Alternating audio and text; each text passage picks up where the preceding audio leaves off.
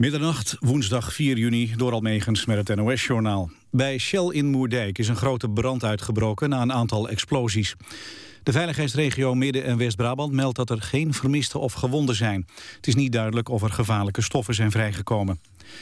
De explosies rond kwart voor elf waren te horen tot in de wijde omtrek. Kwamen meldingen uit onder meer Blijswijk, Delft, Zevenbergen en Lekkerkerk. Op het industrieterrein in Moerdijk ontstond een vuurzee met metershoge vlammen. Het vuur was tot in Rotterdam te zien. Kort na half twaalf werd gemeld dat het vuur minder intens werd. Hulpverleners roepen het publiek op uit de buurt te blijven. Volgens de Verkeersinformatiedienst zijn auto's op de A16 aan het omkeren en aan het terugrijden zonder politiebegeleiding. Het Shell-complex ligt aan de Chemieweg in Moerdijk... in de buurt van het terrein waar begin 2011 een enorme brand woedde bij Chemiepak. Dat bedrijf ging volledig in vlammen op en dat leidde tot ernstige milieuvervuiling. Sinds half mei werd er onderhoud gepleegd aan twee van de vier fabrieken van Shell in Moerdijk. Op het complex worden bouwstoffen gemaakt waarvan andere bedrijven chemicaliën en kunststoffen maken. De Duitse bondskanselier Merkel zou volgens persbureau Reuters willen dat Christine Lagarde voorzitter wordt van de Europese Commissie. Merkel zou Frankrijk hebben gevraagd de huidige IMF-voorzitter voor te dragen. Een woordvoerder van de Duitse regering ontkent het bericht en zegt dat Merkel nog steeds de Luxemburgse oud-premier Juncker steunt. In het oosten van Oekraïne is vandaag de hele dag slag geleverd om de stad Slavjansk. Het leger zette vanmorgen de aanval in op dit separatistische bolwerk. De separatisten zeggen dat ze een gevechtsvliegtuig en een helikopter van Oekraïne hebben neergehaald. Maar dat wordt door de Oekraïners tegengesproken. De Nederlandse hockeyers hebben een tweede wedstrijd op het WK in Den Haag moeizaam gewonnen. Eén minuut voor tijd scoorde Robert Kemperman 2-1 tegen Zuid-Korea. De eerste helft benutte Korea een strafcorner en Nederland een strafbal. Het weer vannacht in het oosten droog. In het westen soms een bui. Overdag volgen er meer buien. Dan wordt het 17 tot 20 graden. Donderdag is er alweer wat meer zon. En vanaf vrijdag wordt het een heel stuk warmer. Dit was het NWS Journaal. Radio 1. VPRO. Nooit meer slapen.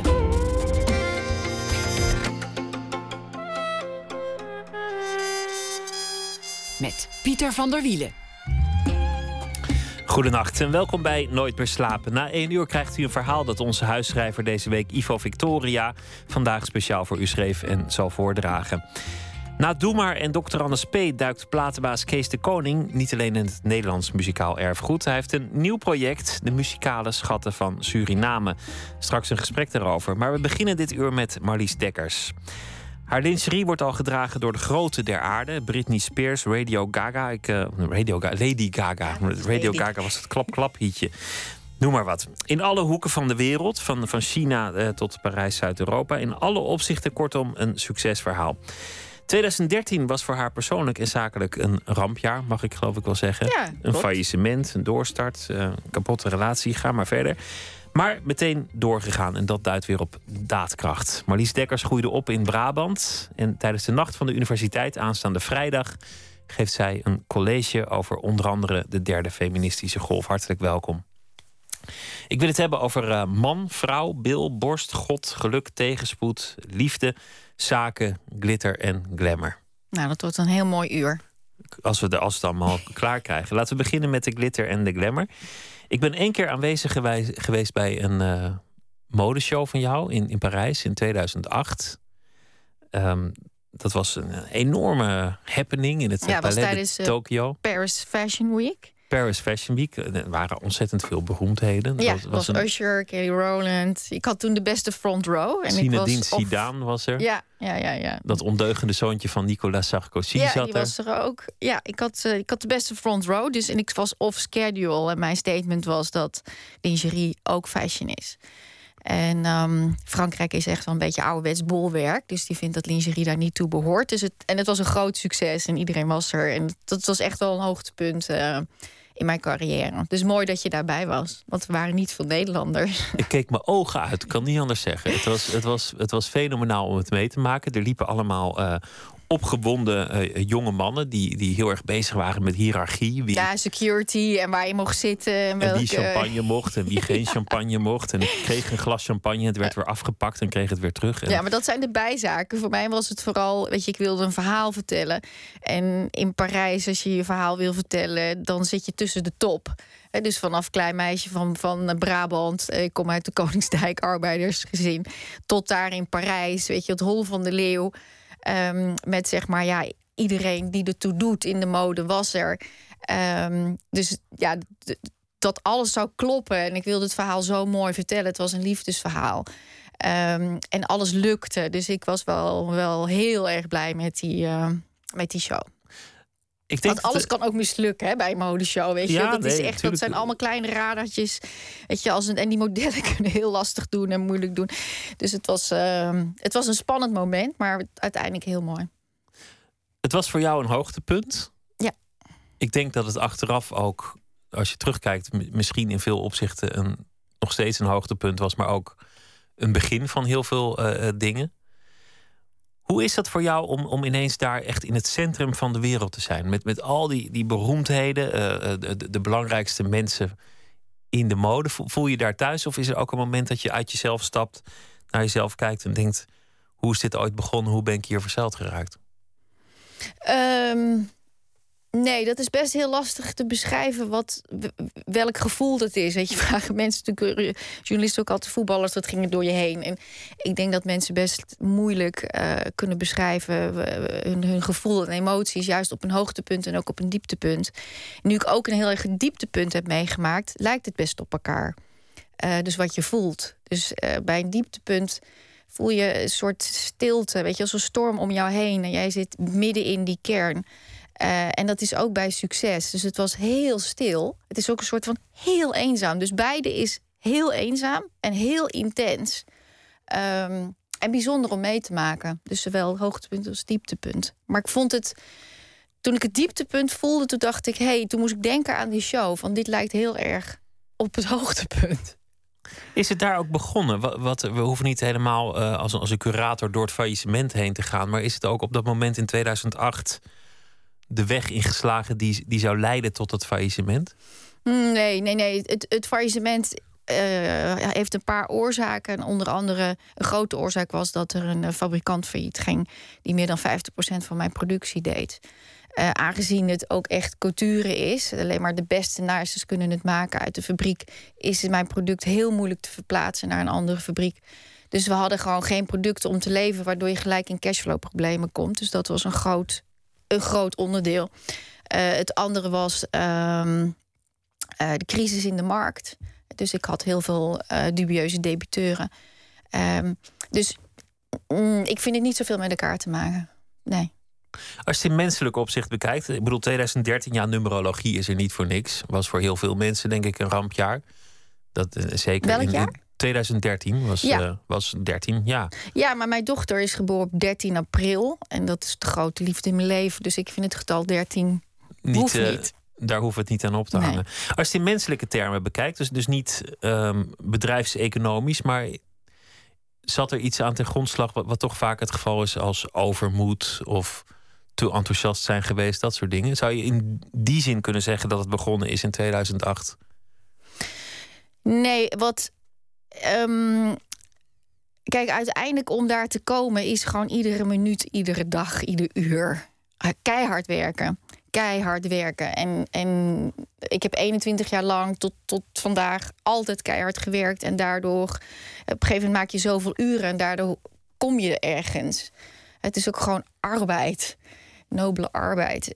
Um, en daar was gewoon geen plaats voor met je hoofd in de wolken te gaan leven. Want de volgende dag na die show moest er gewoon weer productie uit. En weet je, ik had 200 man personeel toen met alle zorgen die erbij komen. Dus je wordt wel heel erg um, uh, op de aarde gehouden. Um, ik vind het wel interessant, uh, interessant gegeven van uh, ja, wanneer is iets hoogmoed en wanneer is het um, uh, dat je carrière gedreven bent en dat je juist durf hebt om de dingen te doen. En wat ik wel, wel nu heb meegemaakt, op het moment dat je succes hebt, dan ehm, dan is de omgeving daar enthousiast over. Dat je die durf hebt om iedere keer maar weer. Weet je, ik heb al mijn geld ook iedere keer weer opnieuw ingezet. En uh, voor verdere groei gegaan met alle risico's. En ik wist dat ik die risico's nam. En op het moment dat het dan tegenvalt, dan uh, vindt men het uh, hoogmoed. ik begrijp het dat dat, van, dat, dat, dat zo overkomt. ik zelf vind zeg maar dat dezelfde emotie. Ik zou, ik zou hem niet zo kunnen duiden, maar het is ook nog vrij kort geleden. Mohammed Ali heeft ooit gezegd: het verschil tussen een gek en een genie is het slagen van het plan. Ja, nou, dat is wel mooi gezegd. Hoe ben je veranderd door je faillissement? persoonlijk? Uh, ik vind wel dat ik. Um, uh, ja, ik ben, ik ben wel op veel vlakken veranderd. Ik ben wat nederiger geworden, denk ik. Uh, het zat altijd wel een beetje in mijn karakter. Omdat ik uh, ben rooms-katholiek en met uh, rozenkrans opgegroeid. En veel zonden moesten weggepoetst worden. Um, dus, maar ik denk wel dat nederigheid, zeg maar, naar het leven en naar de krachten en ook naar je eigen krachten, dat, dat, ik dat nog wel dieper voel. En ook uh, liefde van mensen voel ik ook dieper, aardig woord. Weet je, dat, um, uh, dat komt harder binnen en ik zie meer de zelfkant. Dus ik zie bijvoorbeeld een portier of, weet je, of iemand die schoonmaakt. En daar hou ik dan veel meer van nog. Terwijl ik daar altijd veel van heb gehouden, want ik heb zelf ook schoongemaakt. En zelf ook portier geweest. En, maar ik, ik voel me nu nog meer geconnect met ze. Ik weet niet waarom, maar dat is dus een soort louterend iets wat, uh, wat het met zich mee... Uh, wat het oplevert. Ja, hoe, hoe kan dat? Dat je dan, dan meer uh, ineens meer ge, ge, verbonden voelt met, met, met de portier of, of de, ja, ik denk toch met, met een beetje de randen van de samenleving. Die, die zijn natuurlijk altijd, vinden kunstenaar altijd een grote schoonheid. Maar, maar die, zijn, die, die, zijn toch niet echt in zicht geweest voor je? Um, nou ja, ik kom daar vandaan. Hè. Ik heb mijn studie betaald met afwassen. Uh, dus ik heb uh, twaalf jaar afgewassen. En dat, dus kom daar wel ook vandaan. En uh, je wordt zeg maar wel helemaal teruggeworpen die, waar, op, waar je vandaan komt. Dus dat voel je ook. Je overlevingsinstinct gaat helemaal weer open en aanstaan. Dus het was juist omdat ik alles in, of niets heb gespeeld, wist ik ook, ik raak echt alles kwijt. Echt alles. Dus dan word je echt weer teruggeworpen op je, ja, wat op je, je oerinstinct. Ja, wat, wat, ik had, weet je. Dus, dus, wat was die basis? Want, want jij, je zegt zelf, ik, ik kwam uit een ontzettend uh, eenvoudig milieu. We hadden eigenlijk niks. Ik was gewoon een katholiek meisje uit Brabant. Uh, nou ja, zonder startkapitaal eh, zou je kunnen zeggen. Ja, maar weet je, vaak aan het eind van de maand aten we alleen maar sla en eieren. En dat is soms heel de beek, want er was geen geld. Dus weet je, dat is wel waar ik vandaan kom. En dat is dus wel wat je, wat je weer voelt dan. En in welke zin um, heeft dat je geholpen? Of wat had je meegekregen wat jou heeft geholpen om de top te bereiken? En wat was het waar je aan dacht toen je, toen je uh, nou ja, de afgrond ineens weer zag opdoen? Nou, het relativeert. Aan beide kanten relativeert het enorm uh, dat je daar vandaan komt. Dus ook zeg maar, als je naast Usher staat of Kelly Rowland. Uh, dan kom je ook nog steeds daar vandaan. En ook als je dus helemaal valt, dan kom je ook daar vandaan. Dus ik vind het een hele ja, prettige basis waarvan ik, waar ik naar beide kanten blijk te kunnen. En dat weet je niet. Je weet niet op het moment. En je weet niet of je zo ver kan komen dat je je talent zo kan laten uh, bloeien. Dat je zo succesvol kan worden. Je weet niet hoe je karakter daarmee omgaat. En je weet ook niet als je valt. Ik heb beide nu meegemaakt. Dus het is wel dat je weet wie je bent. Het is een beetje misschien een vreemde vergelijking, maar andere generaties hebben een oorlog meegemaakt. Je weet niet, ben je een NSB'er of ga je inderdaad mensen helpen? Uh, dat weet je pas als je er echt voor hebt gestaan. Hè. Wij denken nu allemaal van dat we natuurlijk mensen zullen helpen. Maar de praktijk, de cijfers, die lieten toch wat anders zien. Ja, dat is een eh, heel ander beeld. Ja, ja dat is een heel ander beeld. En dat is, je hebt jezelf gezien. Hè. Dus je, hebt, je weet je karakter van... oké, ook op waarden en normen. Hoe ga ik met dingen om als ik echt diep in de shit zit? En hoe ga ik met dingen om op hoogtepunten? En dat, dat is wel mooi om daar doorheen te gaan. Ik vind wel dat ik een mooier mens ben geworden op dat vlak. Ik denk dat tegenslagen onontbeerlijk zijn in het leven. Als, als je nooit tegenslagen hebt, dan, dan zit je waarschijnlijk nog steeds met je, met je vriendjes in een boomhut. Uh, als, als een twaalfjarige. Want tegenslagen heb je gewoon nodig om, om af en toe vooruit te komen. Nou, kijk, mijn motto eh, toen ik begon ook was, is altijd geweest: is hè, dare to dream, dare to grow, dare to be. Is durf je dromen te volgen. Uh, dus dat, als je man vraagt vaak durf je dromen en bijvoorbeeld met een winkel, zegt hij ook 50 winkels. En als je dan een vrouw vraagt, nou eerst maar eens proberen één winkeltje goed te doen. Uh, nou, dare to grow. Nou, Icarus was heel bang, weet je, om te hoog te vliegen, omdat die was dan zou smelten en naar de grond te gaan. En ik wil ook mezelf en vrouwen stimuleren, durf te groeien. En daar hoort ook bij dat je met heel hard moet durven te vallen. Als je, als je gaat vliegen, dan kan je ook heel hard vallen. En ik denk dat een, dat een mens, eh, en ik kreeg me vooral op vrouwen, gewoon het mooiste is. Als ze haar dromen volgt, als ze durven te groeien. Weet je, maatje 36, dat is niet schoonheid. Ik denk dat een vrouw kracht uitstraalt, zelfvertrouwen uitstraalt. Haar ogen, zeg maar, gewoon echt aanstaan. Op een mooie manier als ze haar talent kan ontplooien op, op uh, waarvoor zij op de wereld is gezet. En dat is mijn missie. En ik ben nu zelf de, helemaal de, ja, de verwoording daarvan. Uh, dat ik dat uh, heb gedaan en gevolgd. Met vallen en opstaan. Dus dat is ook zoals ik het 21 jaar geleden gestart ben. Ja, hoe is het eigenlijk bij, de, bij, bij lingerie uh, terechtgekomen? Als we, als we toch teruggaan naar, naar het begin. We, weet je zelf nog je eerste WH bijvoorbeeld? Ja, dat is toch wel een beetje. Uh, achteraf lijkt het een soort heel logisch verhaal. Maar ik heb nooit gedacht, ik begin een lingerie-imperium als kind. Maar het was wel zo dat ik als kind al heel gefascineerd was door erotiek. Ik wilde op mijn zevende al een jarretel. Dus ik vroeg op mijn zevende aan mijn moeder al een jarretel. Waar had je die gezien dan? Ja, ergens. Pornoboekjes bij de lingeriewinkels. Ik denk dat soort dingen. En toen ik nog kleiner was, toen knipte ik in mijn manjo altijd zo openingen en gaten. En dat het ook een soort charretel-achtig iets werd. Dus ik was daar al heel jong uh, heel erg door gefascineerd. En ik had ook al hele sterke erotische fantasieën, heel jong. Um, en toen ik zo twaalf was, en eigenlijk een beetje zo mijn eerste geld verdiende met uh, ook al met afwas en andere baantjes. Ik werkte al heel jong was het eerste wat ik kocht, was een BH. En ik vond dat gewoon de mystiek van, van de vrouw verwoorden. Ik was een meisje die haar borsten eruit keek. Ik wilde vrouw worden, ik wilde die rondingen. Je kon niet wachten tot ze kwamen? Ik kon niet wachten tot ze kwamen. Ik vond het kind zijn en dat rechte lichaam... ik vond het niet leuk. En, ehm, eh, en je hebt ook meisjes die willen meisje blijven. Die willen juist niet die ronde vormen. En je hebt meisjes die die dat wel willen. En ik was zo'n meisje van, ik ga pas even als ik die ronding heb. Nou, een beetje dramatisch gesteld, maar zo voelde ik dat wel.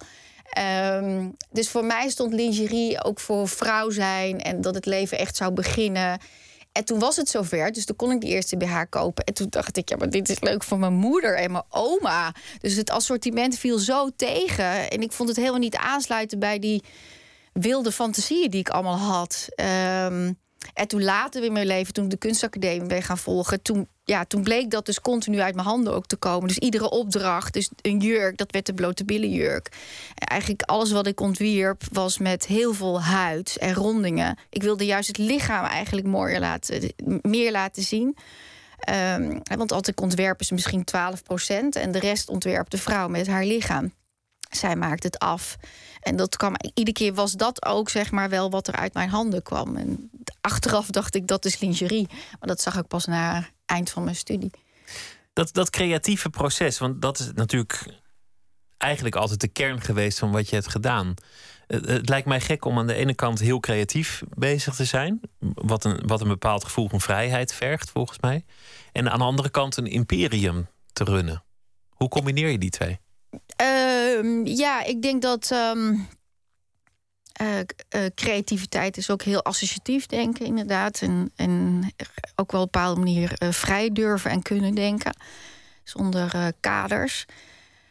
Um, maar omdat ik zeg maar kom waar ik vandaan kom, heb ik iedere dag moeten leren. om er te komen. Ik kom echt van de huisartschool en mezelf zo naar boven toe ja, met studeren, zeg maar, uh, verder gekomen. Uh, dus ik ging gewoon door met studeren. Dus ik kwam naar de kunstacademie en toen wist ik wat ik maakte, dat niemand dat zou zeggen: hier is geld en ik ga jou helpen en ga dat maar doen. Eh, dus ik wist dat ik zelf een onderneming moest starten en dat ik alles moest leren. En dat was uh, van zelf de boekhouding doen. En ik heb gewoon mezelf alles aangeleerd: logistiek, zelf uh, de, de productie aansturen. Gewoon iedere dag leren. En zo, zo heb ik het gedaan. En ik, maar ik dat vond alles te fitten, leuk. met, te fitten met de leverancier in China en, en met de, de winkel in Parijs en met Ja. de, de, de ontwerper die, die de catwalk moet maken in, in New York. En intussen moet je, moet je vrij blijven denken in je hoofd om creatief te zijn en te denken aan erotiek. Ja, maar eh, nu maak je wel een grote stap. Hè? Dus op Ja. het moment dat je zeg maar een winkel onderhandelt, dan ben je dus al best ver gegroeid. En dan kan je daar iemand voor aannemen die dat voor jou regelt. En op het moment dat je een modeshow kan doen in Parijs, dan ben je al echt heel erg ver. En dan heb je daar ook je mensen voor. Eh, als je begint, dan ben je veel kleiner. Ik ben echt begonnen in de slaapkamer. En dan gaat het dus veel meer over van hey, je eerste order en wie wilde produceren. En, maar je moet wel al die disciplines beheersen. Dus vanuit sales, logistiek, sales support. Dus je moet alles zelf doen. En je hebt geen geld voor mensen aan te nemen in het begin. Maar omdat ik heel nieuwsgierig ben. En ik vind in principe eigenlijk alles wel leuk waar je in verdiept. Maar ik heb wel zo snel als ik het geld ervoor had, een specialist daarvoor ingehuurd. Dus dat ik, weet je, als ik geld had, ik dacht, hé, hey, nu kan ik iemand echt voor logistiek aannemen. En nu kan ik echt voor. ehm, en ik heb ook altijd wel vertrouwen gehad van, nou, dan moet diegene dat doen. Ik ben niet een control freak die denkt dat ik de enige ben die dat kan. Eh, dus ik ben later ook veel meer gaan ontwerpen. Want toen had ik veel meer geld om die vrijheid te kunnen kopen. Dus in het begin, als ze dan belden, zeiden ze: is een nieuwe collectie? Ja, wanneer ik tijd en geld heb. Dat duurde in het begin soms anderhalf jaar. Want toen was ik inderdaad met zoveel dingen aan het regelen. En later kon ik het me permitteren. In het hoogtepunt maakte ik twaalf collecties per jaar. Dus toen had ik, kon ik, dus had ik het me zo vrij georganiseerd dat ik heel veel kon creëren. Je kunt dingen uitbesteden. We gaan luisteren naar ehm, muziek. En eh, de, we gaan luisteren naar iemand uit, eh, nou ja, ook Brabant, Eindhoven. Sharon Kovacs. En eh, het nummer dat we draaien heet My Love. Babe, don't try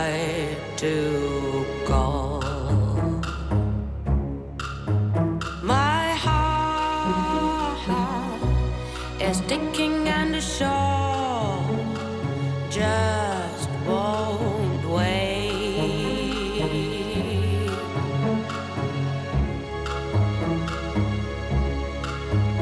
It's strange.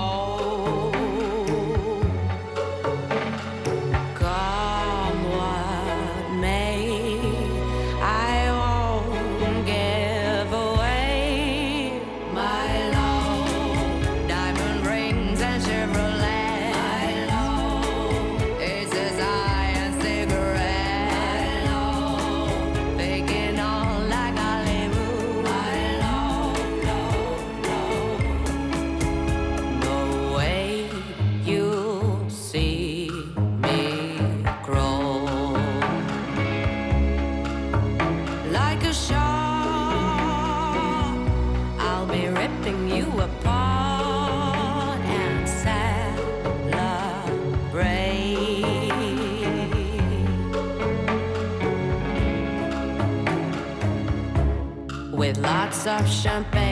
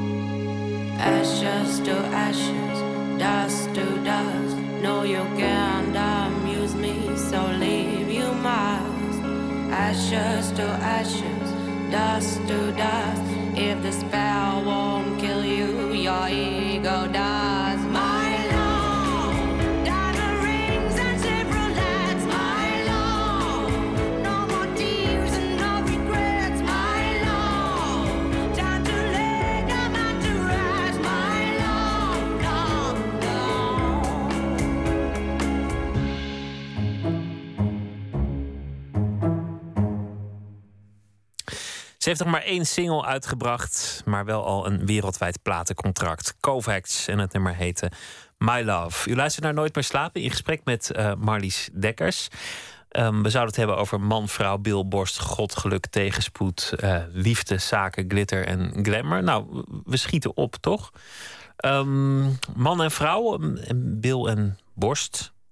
Er is natuurlijk veel aan de hand in, in, de, in de mode, hè, als het gaat over, over feminisme. Dat ehm, de, de, de mode-industrie die wordt verwijtend aangekeken dat ze, dat ze vrouwen archetypen opleggen, eh, vrouwen onzeker maken, dat ze, dat ze een bepaald model vrouw stimuleren. Er ontstaat steeds meer in de modewereld zelf een soort tegenbeweging die de vrouw via de kleding wil emanciperen. Nou ja, het is een interessant vraagstuk. ehm, ehm, waar veel over te zeggen is. Maar ik, wat in ieder geval denk ik een beetje wat op een wat hoger niveau, eh, waar je, wat je erover kan zeggen, is dat ehm, obesitas is een groot probleem. Eh, Overgewicht. Mhm. In Nederland is al meer dan de helft heeft overgewicht. Dus we leven ook in een tijd waarin zegt dat je opgewicht bent, dat is al heel wat. Dus ondergewicht is de schaarste. Eh, mode heeft zeg maar altijd ook eh, vertegenwoordigd wat schaars is. En eh, slank zijn is, is bijna niet meer te doen met al die aspartaan in cola en al die ongezonde suikerpieken die wij zeg Met maar in vaste en suiker. ja, wat wij in fastfood tot ons krijgen. Dus het, het vertegenwoordigt ook iets, ja, bijna een soort mythisch beeld, een droombeeld. Ehm, een schoonheidsideaal wat bijna niet bereikbaar is. En ik denk dat dat gewoon van alle tijden is. Eh, dat eh, we willen dromen en we willen iets, iets voorgetoverd zien wat, ja, waar we net niet aan kunnen. En het schoonheidsideaal, behalve in die tijd van Rubens, is, is, is vaak geweest eh, slank.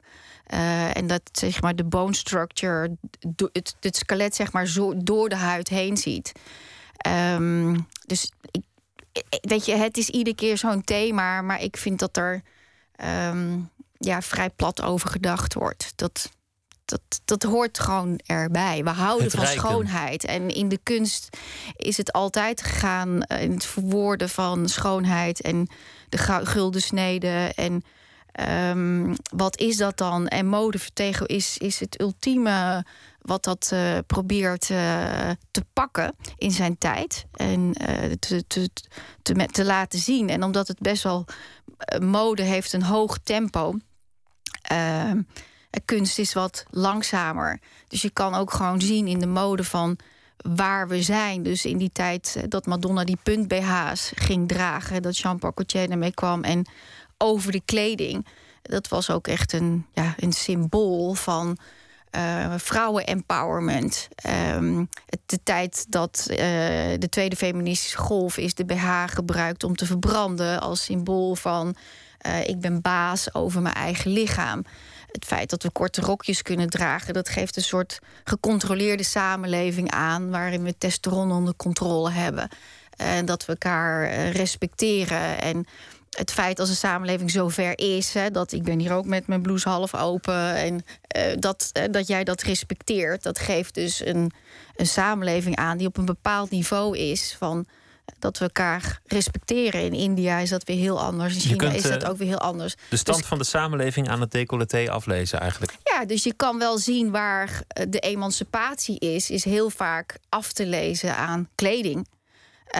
Nu bijvoorbeeld zie je ook in, ehm, in eh, landen zoals bijvoorbeeld Iran dat vrouwen selfies aan het maken zijn. Dat ze net even hun hoofddoek afdoen, laten fladderen in de wind. Eh, en dat ze zichzelf fotograferen. Dus heel even zonder die hoofddoek als een statement. Dus bevrijding van uh, de movement, zeg maar, van de, van de bevrijding van de vrouw, is heel vaak parallel uh, of symbool, is kleding symbool uh, als symbool gebruikt daarvoor. En uiterlijk. Maar bevrijding kan natuurlijk ook betekenen je bevrijden van, van, van de commercie.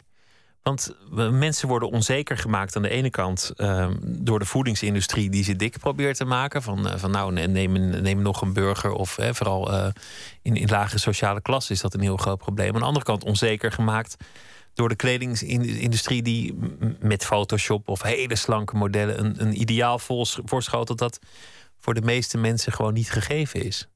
Ja, maar we, we zijn daarin complex. Dus de, de, de, de mens kiest, uh, als ze zeg maar een gezonde salade en een hamburger, dan kiest hij voor een hamburger. En als er op een verpakking staat een foto van een wat vollere vrouw en een verpakking van een slanke vrouw, dan kopen we dat waar een slanke vrouw op staat. Dat is de mens. Heeft de ontwerper daarin een taak? Ik denk dat, uh, ik, in ieder geval, ik zelf ben, zie mezelf als designer. Uh, en als designer vind ik het mijn taak om de tijd te vangen. Uh, dat te laten zien, zeg maar, aan, aan de mensen van volgens mij zijn we hier nu in geïnteresseerd. En je bent, je moet toch weer visionair zijn over twee jaar. Dus ik ben nu bezig met de collectie over twee jaar. Dus je moet ook in staat zijn om vooruit te kijken. Um, en dan is het vrouwbeeld, vind ik daar heel belangrijk in. Dus uh, hoe, uh, hoe is momenteel de situatie met de vrouw op gebied van bevrijding, haar zelfbeeld. Hoe staat ze ten opzichte van de man? Hoe zit ze in haar seksualiteit? En dat zijn allemaal dingen die je meeneemt. Uh, en heel belangrijk zijn als puls van de tijd. Omdat ik vind toen ik ben ingestapt, ik ben 1965 geboren. Ik ben gaan creëren in de 90s. Um, er hadden twee movements voor mij, zeg maar, al heel veel werk verricht. Gezorgd dat vrouwen stemrecht kregen. Uh, gezorgd dat uh, sociaal, uh, cultureel, seksueel al heel veel veranderd was. De pil is gekomen, wat vrouw heel veel vrijheid heeft gegeven op het vlak van erotiek en seksualiteit. En ik vind het belangrijk om dat continu mee te nemen van waar zitten we nu? Waar zit de vrouw nu met haar gedachten? In hoeverre durven we al vrij te fantaseren? In hoeverre zitten we nog geblokkeerd? Durven echt onze carrières na te jagen? Zijn we nog bang voor het glazen plafond? Uh, hoe is ons zelfbeeld? Uh, hoe slank willen we zijn? Hoe vol willen we zijn? Het zijn moeilijke vragen. Ja, maar het zijn hele interessante vragen. Kijk, ik woon in Rotterdam. Uh, mijn dochter wil heel graag een hele grote kont. En dus dat, dat komt omdat zij wordt opgegroeid in een multiculturele samenleving. Uh, we hadden toevallig uh, vlak voor ik hier naartoe ging, zei ze: Ik heb een veel te kleine kont. Dus zij wil rondingen naar achter toe. En dat komt omdat uh, ik zei: Ja, maar je hebt blank DNA. Dus dat zit gewoon niet in ons DNA. Maar omdat we dus in een multiculturele. Ja, ja, weet je, zie, komen er dus nu meer Latijns-Amerikaans, meer Surinaams, dat soort invloeden. En die zijn veel ronder. Dus mijn dochter, die wil helemaal niet zo slank zijn. Die wil lekker rond zijn. dus het is natuurlijk het, beïnvloedt elkaar op allerlei manieren. En zeker met zo'n open samenleving waarin we nu zitten. Um, is dat continu in beweging. En het is juist heel interessant om daarmee bezig te zijn. En ook met vrouwen in China daarover te praten. Vrouwen in Bangkok, in Canada. Uh, het, het interesseert iedereen, dit thema. Um, en iedereen is er mee bezig. En dat komt toch omdat we duizenden jaren hebben mannen uh, de geweldigste innovaties uh, voor innovaties gezorgd. Vliegtuigen komen van mannen, wasmachines komen van mannen. En we zijn zo ontzettend benieuwd wat worden nu de innovaties van vrouwen, de, de andere 50% van de bevolking. En ik denk dat daar heel veel potentieel ligt. Hè, wat de taak is van deze generaties om dat te unlocken. Van wat, waar, wat zit er nu allemaal nog voor fantastische ideeën in de geesten van die vrouwen? Maar het is moeilijk. En, want... wat moeten we doen om een vrouw dat te krijgen en dat ze niet. Weet je, op die fractie van een seconde die jij bij spreken op aarde bent, bezig bent met ik heb een te dikke buik, eh, of ik ben onzeker, of eh, dat, dat is zo zonde van je tijd. En ik vind de samenleving die zit te wachten op die talenten. Mijn oma die was eh, lerares. In haar contract op school stond dat zodra er een geschikte mannelijke kandidaat werd gevonden, zij haar baan onmiddellijk moest afstaan. Daar komen we nog vandaan, hè? En het geld werd overgemaakt aan haar man, mijn opa, want een vrouw kan geen geld be- Ja. beheren. Het voordeel van die situatie voor de emancipatie was dat het overzichtelijk en juridisch is. Het is namelijk gewoon een, een misstand, een ongelijkheid die in de wet staat, die je kunt afschaffen. maar tegenwoordig is de. Het Is is de lekker overzichtelijk, wil jij zeggen. nou, dan is duidelijk waar je voor strijdt. Oké. Die feministen uit die tijd wisten precies waar ze naar streefden en wisten precies bij welk loket ze moesten protesteren. Was op- nog steeds ingewikkeld. Wat opmerkelijk dat je dat zo stelt. Nou, omdat het tegenwoordig wel soms een beetje vaag wordt. Het is helemaal niet vaag. Je Nee, moet vind je je voor, niet? juist omdat je zegt, hè, jouw oma, dus hoe recent is het? In Liechtenstein. Maar wie is nu de onderdrukker? Want, Mag want- ik eventjes ja, afmaken? Eh, is stemrecht eh, begin 1980 pas eh, voor vrouwen. Dus we zitten nog maar, we zijn nog maar, laten we zeggen, even 50 jaar bezig met die movements dat vrouwen vanaf mogen van stemrecht, dat ze mogen werken, niet ontslagen worden als ze zwanger zijn. Ehm, dus eerst moesten we al die praktische dingen oplossen. Dus Ja. van st- stemrecht, dat we gelijk verdienden, eh, dat, we, eh, dat we mee mogen doen, eh, het politieke debat, et cetera. Nou, oké, dat hebben die, die vrouwen voor ons geregeld. Nu moeten we het nog gaan leven. Dus daar zitten we nu in. En dat is, dat is inderdaad veel complexer, maar ook ontzettend interessant. Hoe gedragen we ten opzichte van elkaar? Hoe, hoe moeten wij bluffen? Eh, hoe leer je dat? Leer je dat van je tante? Leer je dat van je moeder? Nee, want die heeft ook nooit gebluft. Dus je ziet deze generatie, die leert heel erg veel van mannen. En die vragen ook advies.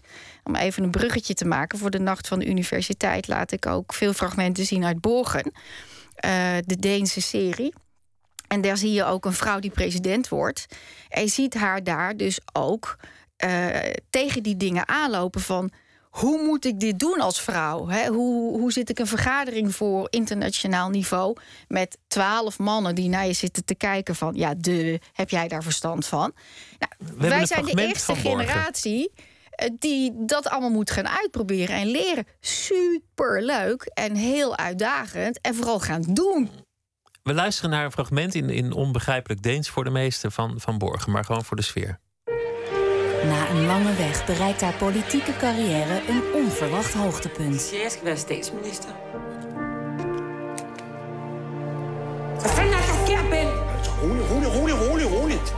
Du stiller op i morgen klokken 9 på borgen og rydder det skævt. Een succes dat meer kost Alle huset knokler på deres måde, for at du kan være statsminister. Vi to, vi er jo fandme ved at have offret vores kærlighedsliv, vores sexliv på den konto. dan ze van tevoren had kunnen bedenken. Intriges, Jeg er kommet i besiddelse af nogle oplysninger, der kan fælde Michael Laugesen. Nou ja, Hvad er det, du siger? Hvem er du? machtswellust. Jeg ved noget, der vil kunne gøre den rette person til statsminister, Zo'n mooie taal. hvis det bliver brugt klogt. Jeg gjorde, hvad han igen. Deens. Ja, prachtig. Det er jo det, en Het is gewoon eh, Fries, maar dan achterstevoren Ja, afgespeeld. ja, ik toch? vind het heel mooi. Nooit eerder was je zo dicht bij het spinnenweb van de politiek als met de Deense dramaserie Borgen. Nou ja, een, mo- een mooi voorbeeld van, van hedendaags feminisme. Een, een vrouw in een mannelijke omgeving eh, die moet leren hoe je dat eigenlijk doet. Bluffen. Nou, het is. ehm, eh, je ziet momenteel, eh, het komt vooral een beetje uit Denemarken. Je hebt The Killing, je hebt The Bridge, je hebt Borgen. Maar daarna naar Amerika toe gaan heb je Homeland. Je hebt Scandal, je hebt Damage. Je hebt momenteel heel veel series en films waar vrouwen de hoofdrol spelen. En die worden ook allemaal heel succesvol. En dat komt vanuit de honger, vanuit de samenleving. Ehm, van hoe gaat die samenleving nu ontwikkelen? Waarin vrouwen dus in één keer een hele andere rol pakken. Wat dus ook weer invloed heeft op welke rol pakt dan die man. En dat zie je ook in Borgen. Die man is ook heel getalenteerd, altijd CEO geweest. Maar die zegt: Oké, dan zorg ik wel weer vier jaar voor die kinderen. En dan kan jij nu carrière maken. Dus hoe gaan we er op het thuisfront mee om? Als je allebei ontwikkeld bent en carrière wil maken. Ehm, hoe gaan we. Hoe maken we beslissingen zeg maar, op onze carrière? Hoe gaan we om met seksualiteit? Hè? Bijvoorbeeld in hoe gaan we om met kinderen? In de killing zie je eh, gewoon lege koelkast. Ze vergeet haar kind. eh, ze verwaarloost ook een beetje haar kind. Ze zijn allemaal vreselijke taboes geweest. Ik ben opgegroeid met films waar een vrouw zwikt. eh, weet je wel, in, in, in een beetje de, de, de tweede rol had of de, de ondersteunende rol. En keer zijn die vrouwen allemaal in leading roles. En dat eh, ook seksualiteit in de bridge zit de scène. Ze zit midden in haar focus over hoe ze een, hoe ze een eh, moordzaak moet oplossen. En dan krijgt ze in één keer zin. Dan gaat ze zichzelf masturberen, gaat naar ehm, een bar en zegt gewoon tegen hem: Ik heb zin in seks, jij ook. Ja, dat, dat is nog niet veel gezien daarvoor. En dat is voor deze generatie heel inspirerend, want die is heel hongerig van.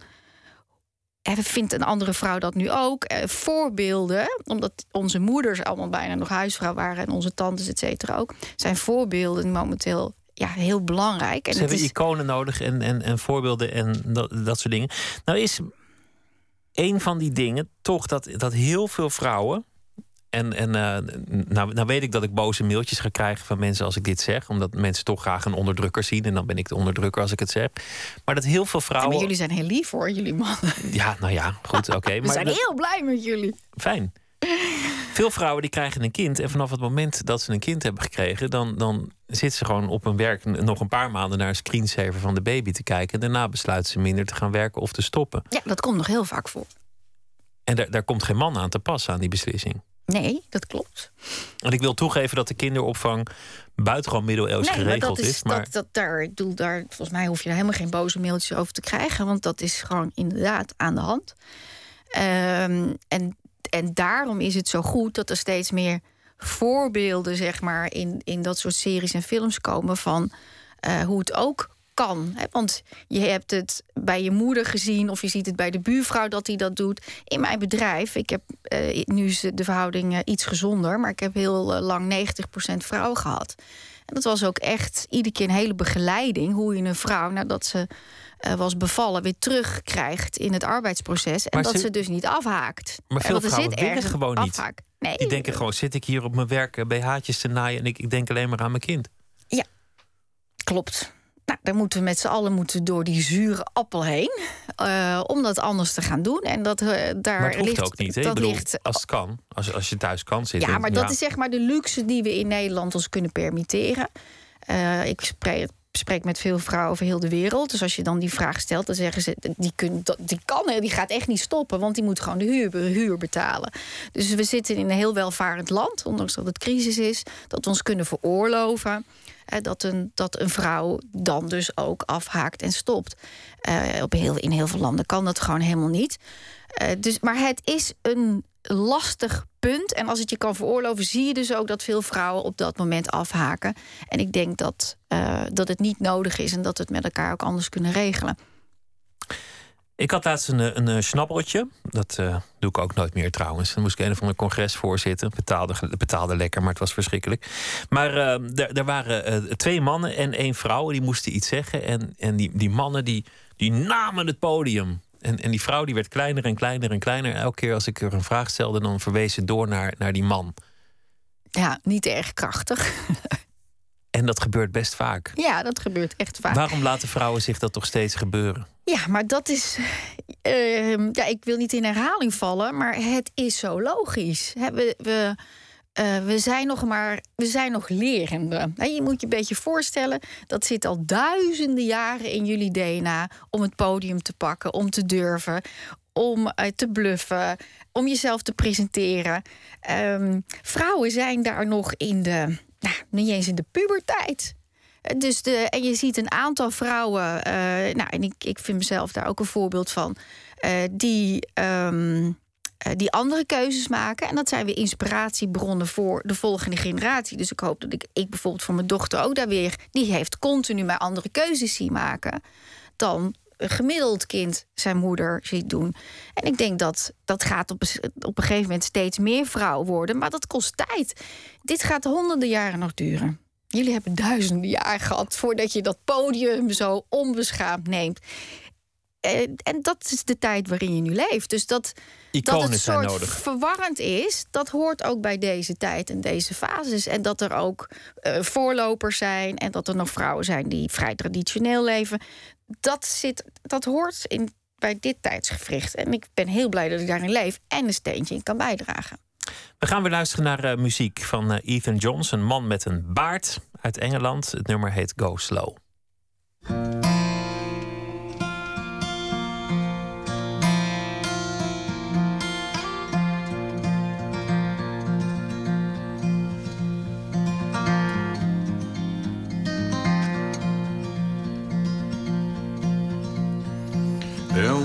Was a boy from the lowlands, Thomas the younger his name, born of the summer rain. The bark of the apple tree would scuff up his knees. He lay cradled in its branches till dark, waiting for the sound of his heart. Go slow, Thomas the younger, born of the summer rain. With horse and with cart, he brought in the harvest. The autumn he idled away. His time grew short as the days. Go slow, Thomas the younger,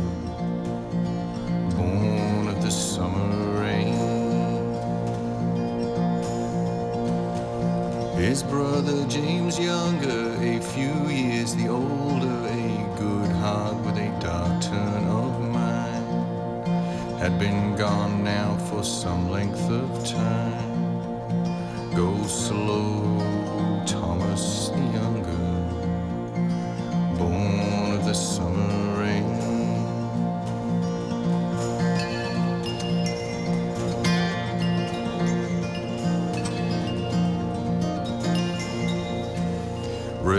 Restlessly yearning, Tom started his journey, though he was barely a man. By winter, he'd reached the new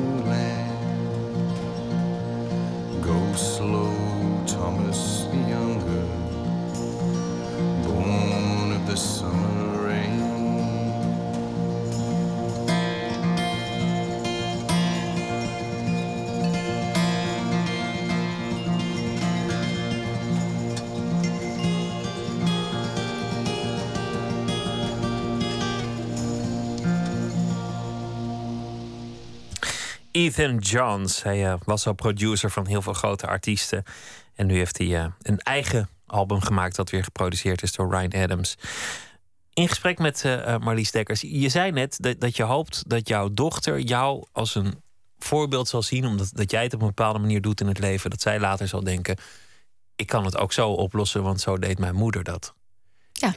Is dat, is dat jouw levensdoel? Dat je, Het is, dat je... het is geen levensdoel.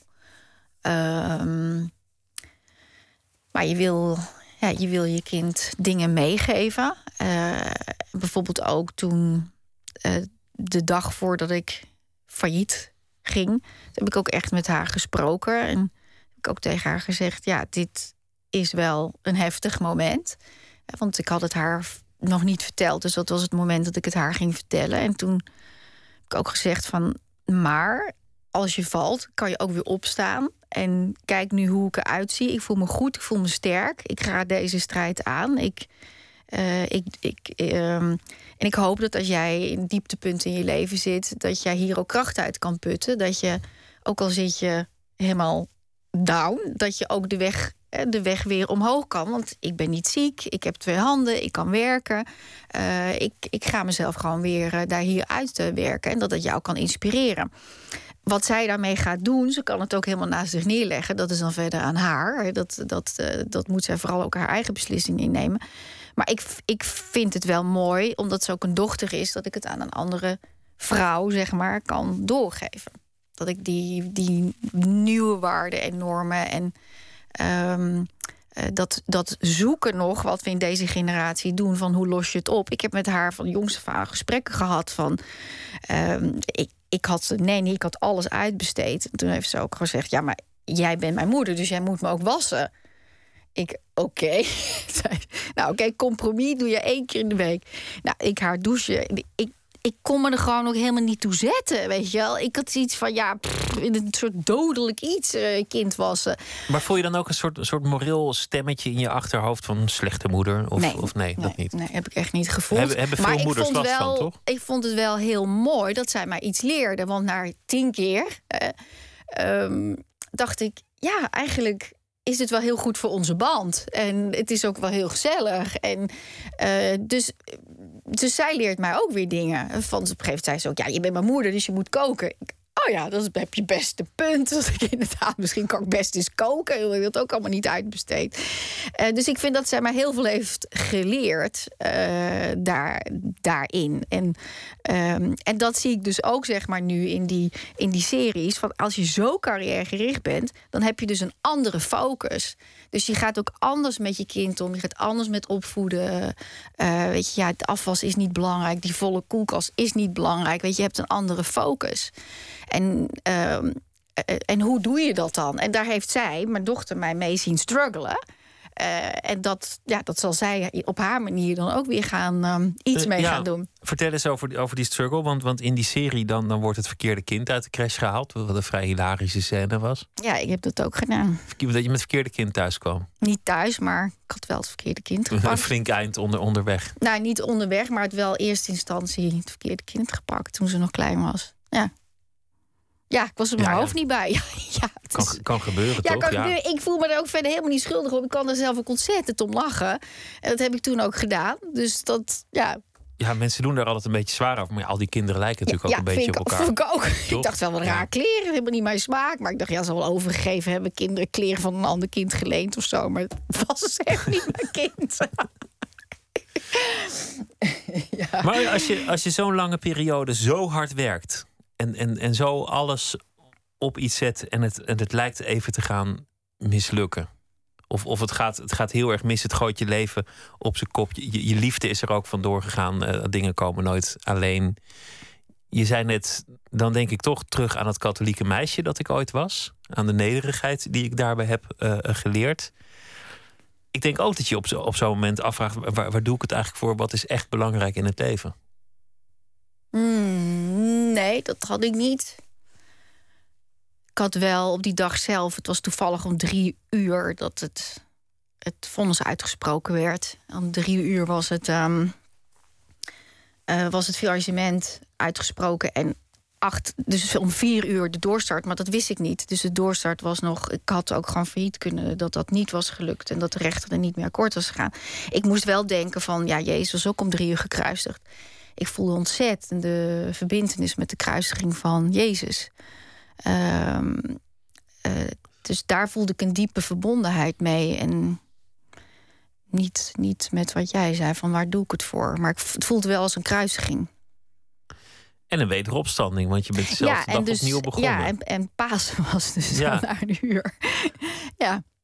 ja, maar dat wist ik toen dus niet. Dus ik, ik heb hem heel intens gevoeld. Dus dat... ehm, ja, en als je dat hebt gevoeld... Dus je, die, en dat vond ik wel heel spiritueel. Dat, ehm, dus het was ook een hele spirituele ervaring. Daar kan ik me niet, zo, niet zoveel bij voorstellen, om, om- omdat ik geen gelovige achtergrond heb, denk ik. Maar waarom je aan, aan Jezus denkt op het moment dat. Ja, die dat is ook om in drie uur honderd loopt. gekruisigd. eh, Ja.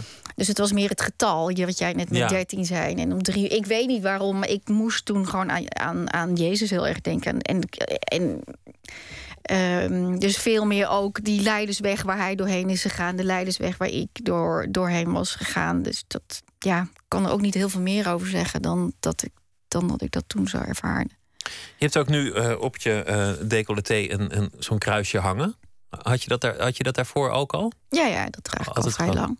Beschouw je jezelf nog echt als, als gelovig? Ja, maar wel met een heel eigen invulling. Dus, dus ik heb zeg maar mijn afstuderen hm, heb ik eh, het thema Adam en Eva gebruikt. En daar heb ik het verhaal eh, omgedraaid. Dus ik heb het zo geïnterpreteerd dat Adam eigenlijk zo'n lafaard was dat hij niet die appel durfde te pakken. Eh, en Eva was zeg maar de rebel. Die zei van oké, what the fuck. Ik eh, neem gewoon die hap uit die, eh, uit die appel. En omdat zij dat durfde, hebben we het leven zoals het nu is. Met goed en kwaad en met dood. En, eh, Is beter geweest, toch? nou, ik, ik vind het leven prachtig. Dus ik vind dat we heel dit leven symbolisch gezien... dus te danken hebben aan de durf van Eva. Of de En- roekeloosheid, hoe je het ziet. Maar anders zaten we in het paradijs. En Ja, het was ook maar een beetje te loungen en een Ja. beetje saai te wezen. Dus ik, Moet je daar. Ja, dus, dus ik, ik vind het een heel mooi symbolisch verhaal. En ik heb de Bijbel zeg maar, altijd wel gezien als een hele mooie inspiratiebron van verhalen uh, die mij inspireren. En toen ik klein was, was ik um, bang van God. En toen ik 12, 13 was, toen was ik niet meer bang van hem. En uh, toen ik dus rond de 20, 21 was, toen kon ik met die verhalen gaan spelen. Dus op die manier is zeg maar geloof. Uh, dus het is niet meer als een boeman die boven mij hangt. Uh, en waar ik, waar ik nooit goed voor doe. Zo heb ik het altijd ervaren. Maar nu meer als een inspiratiebron. Uh, ja, met hele mooie verhalen. En dus ook ehm, heel troostend op het moment dat je, uh, je, je verdrietig of eenzaam voelt. Maar in sommige ogen ben jij misschien ook wel, wel een zondaar, of niet? Ik ben absoluut een zondaar, maar hij is niet boos op mij. Dus ik zie het niet als een boze man. Um, dus ik, ik, ik vind uh, religie gewoon iets heel inspirerend... waar je als kunstenaar dus ook vrij mee om kan gaan en mag gaan. En uh, ik vind boete doen, schuld en boete van Dostoevsky... ik vind het gewoon een heel mooi gegeven. En het is ook als je een, een, een, een boete of schuld kan je alleen maar voelen als je een grens overgaat. Dus als je niet gelovig bent of die grens niet voelt, dan voel je ook de overschrijding niet. En ik denk dat het voelen van de overschrijding een hele diepe gevoelsbeleving is en dat dat juist heel rijk is om te voelen. We begonnen met 2008, in veel opzichten dat, dat hoogtepunt, die, die uh, memorabele avond. Je noemde het zelf een hoogtepunt, een hoogtepunt tot nu toe, zou ik er altijd achteraan zetten. Want je, je ja, weet jij veel wat het leven nog, nog brengt? Ja, dit uh, vol optimisme. Stel dat, stel dat het leven een, een, nog veel hoger hoogtepunt in, in petto heeft. Is het dan op dezelfde manier? Of, of op een heel, heel andere lastig. wijze? Wat is een, wat is een hoogtepunt? Is een hoogtepunt... Uh, ik vind zeg maar dat ik mijn uh, talent aan de wereld heb kunnen laten zien. Van Moskou tot Amerika. Uh, dus ook daar had ik vrede mee. Ik, ik heb de branche veranderd, echt veranderd. Ik heb echt iets neergezet. Um, dus ik ben daar ook echt heel tevreden over. Wat ik hoop is dat ik mag continueren mijn missie om um, ja, wat te betekenen voor vrouwen en mee te doen, zeg maar, om vorm te geven van deze samenleving, hoe die eruit gaat zien. En proberen vrouwen daar eh, toch in die niet stapjes te zetten, maar echt een stap. Ik wil niet herinnerd worden straks als iedereen bij mijn doodskist of één iemand misschien bij mijn doodskist staat van ja, zij van die BH's. Ik hoop toch echt wel dat ik echt iets heb kunnen betekenen voor de samenleving op gebied van emancipatie en erotiek en dat ik vrouwen heb, echt heb kunnen inspireren. Dus eigenlijk ging het die hele tijd niet om de BH's, maar, maar zat er altijd ja. al iets anders achter? Ja, ja, het is, een, het is een middel om een verhaal te vertellen. En dat zou je ook best op andere manieren kunnen doen. Ja. ja. Heb, je al, heb je al ideeën in die richting? Nou, ik heb bijvoorbeeld Boek Stout geschreven, ging daar ook helemaal ja, over. Weet ik nog. Um, ja, en er zijn nog heel veel manieren, maar ik wil dit wel gewoon een soort veilige haven en goed doen. Want daar, het, is gewoon een heel mooi bedrijf. Maar er zijn nog heel veel manieren zeg maar, om deze missie verder uit te dragen. En um, ik hoop zeg maar, dat ik daar ook de tijd en de middelen voor mezelf voor kan gaan creëren om dat nog uh, vol energie te doen. Aanstaande vrijdag is de Nacht van de Universiteit, georganiseerd door uh, filosoof Ad Verbrugge, met hulp van vele anderen, uh, met heel veel lezingen, happenings, bandjes, hapjes, drankjes, noem maar op. In Amsterdam is dat? Ja. Nou ja, en daar is vast wel een website van. En dat is vast ja. te googlen. Nacht van de Universiteit. Marlies Dekkers, dank je wel. Leuk dat je te gast wilde zijn. En een, een, goede reis naar Rotterdam. En succes vrijdag met het college. Het was heel leuk hier te zijn. Dank je wel. Zometeen gaat Nooit meer slapen verder. En dan krijgt u een, een verhaal van Ivo Victoria. Dat doet hij deze week elke dag voor ons. We gaan het hebben over stripboeken, over de muziek van Suriname en over heel veel andere dingen. Twitter, @vpro_nms of mailen nooitmeerslapen@vpro.nl. Tot zometeen.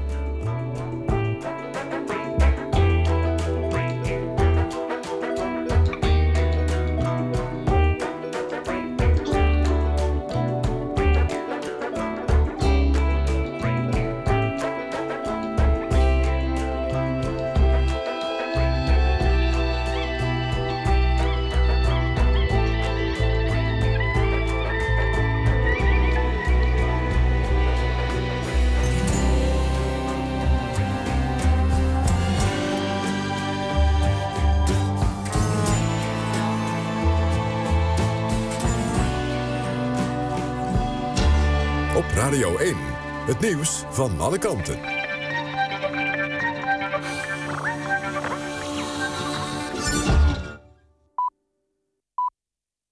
1 uur door Almegens met het NOS-journaal. In tegenstelling tot eerdere berichten zijn er toch enkele gewonden... bij de grote brand bij Shell in Moerdijk. Twee tot vier mensen zijn licht gewond geraakt. Er zijn geen doden of vermisten. Rond kwart voor elf waren op het industrieterrein in Moerdijk... enkele explosies in een reactor met benzeen. Die explosies waren te horen tot in de wijde omtrek. kwamen meldingen uit onder meer Blijswijk, Delft, Zevenbergen en Lekkerkerk. Op het industrieterrein ontstond een enorme vuurzee met metershoge vlammen. Die waren tot in Rotterdam te zien. Rond half twaalf werd gemeld dat het vuur minder intens werd. De brandweer laat het vuur gecontroleerd uitbranden. Zometeen is er in het gemeentehuis van Zevenbergen een persconferentie. Shell-complex ligt aan de Chemieweg in Moerdijk... in de buurt van het terrein waar begin 2011 een enorme brand woedde bij Chemiepak. Dat bedrijf ging volledig in vlammen op. Dat leidde tot ernstige milieuvervuiling. Sinds half mei werd er onderhoud gepleegd aan twee van de vier fabrieken van Shell in Moerdijk. Op het complex worden bouwstoffen gemaakt waarvan andere bedrijven chemicaliën en kunststoffen maken. In een woning in Middenbeemster zijn twee doden gevonden. De slachtoffers zijn volgens de politie doodgestoken. Kort voor 11 uur kreeg de politie een melding over doden in een woning aan de Leegwaterstraat in Middenbeemster. Meer bijzonderheden zijn er nog niet. Ook de identiteit van de slachtoffers is niet bekend. In het oosten van Oekraïne is de hele dag slag geleverd om de stad Slavjansk. Het Oekraïense leger zette vanochtend de aanval in op dit separatistische bolwerk. Het is onduidelijk of die succesvol is geweest. Een woordvoerder van het leger zegt dat twee van zijn manschappen zijn gesneuveld... en dat er 42 gewond zijn geraakt. Separatisten zeggen dat ze een gevechtsvliegtuig en een helikopter van Oekraïne hebben neergehaald... maar dat wordt door de Oekraïners tegengesproken. Het weer nog, vannacht in het oosten droog, in het westen soms een bui. Overdag volgen er meer buien, wordt het 17 tot 20 graden. Donderdag is er alweer wat meer zon en vanaf vrijdag wordt het een heel stuk warmer. Dit was het NOS Journaal. Radio 1. VPRO. Meer slapen.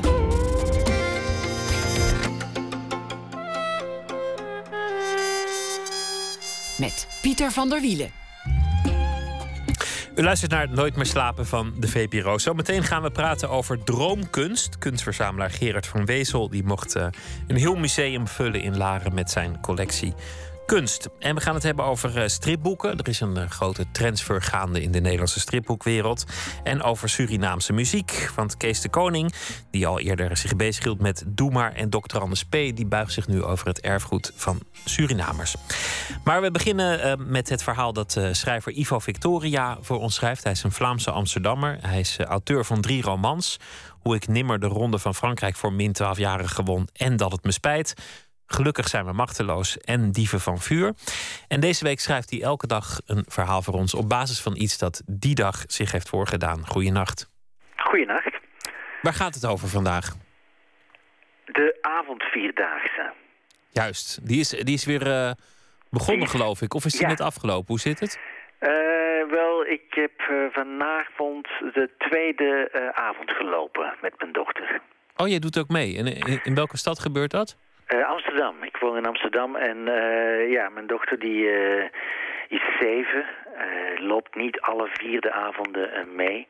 Onder lichte druk van haar ouders. Ehm, maar vanavond liepen we mee. Waarom eigenlijk? Waarom we, dat, waarom we meeliepen? Ja, wa- waarom zou je een avondsvierdaagse lopen? Wel, dat, dat is een van de vragen waar ik na twaalf jaar in Nederland eh, nog steeds mee worstel. Daar gaat het verhaal ook over. Oké. Nou, draag maar voor dan. Ik ben benieuwd. Oké.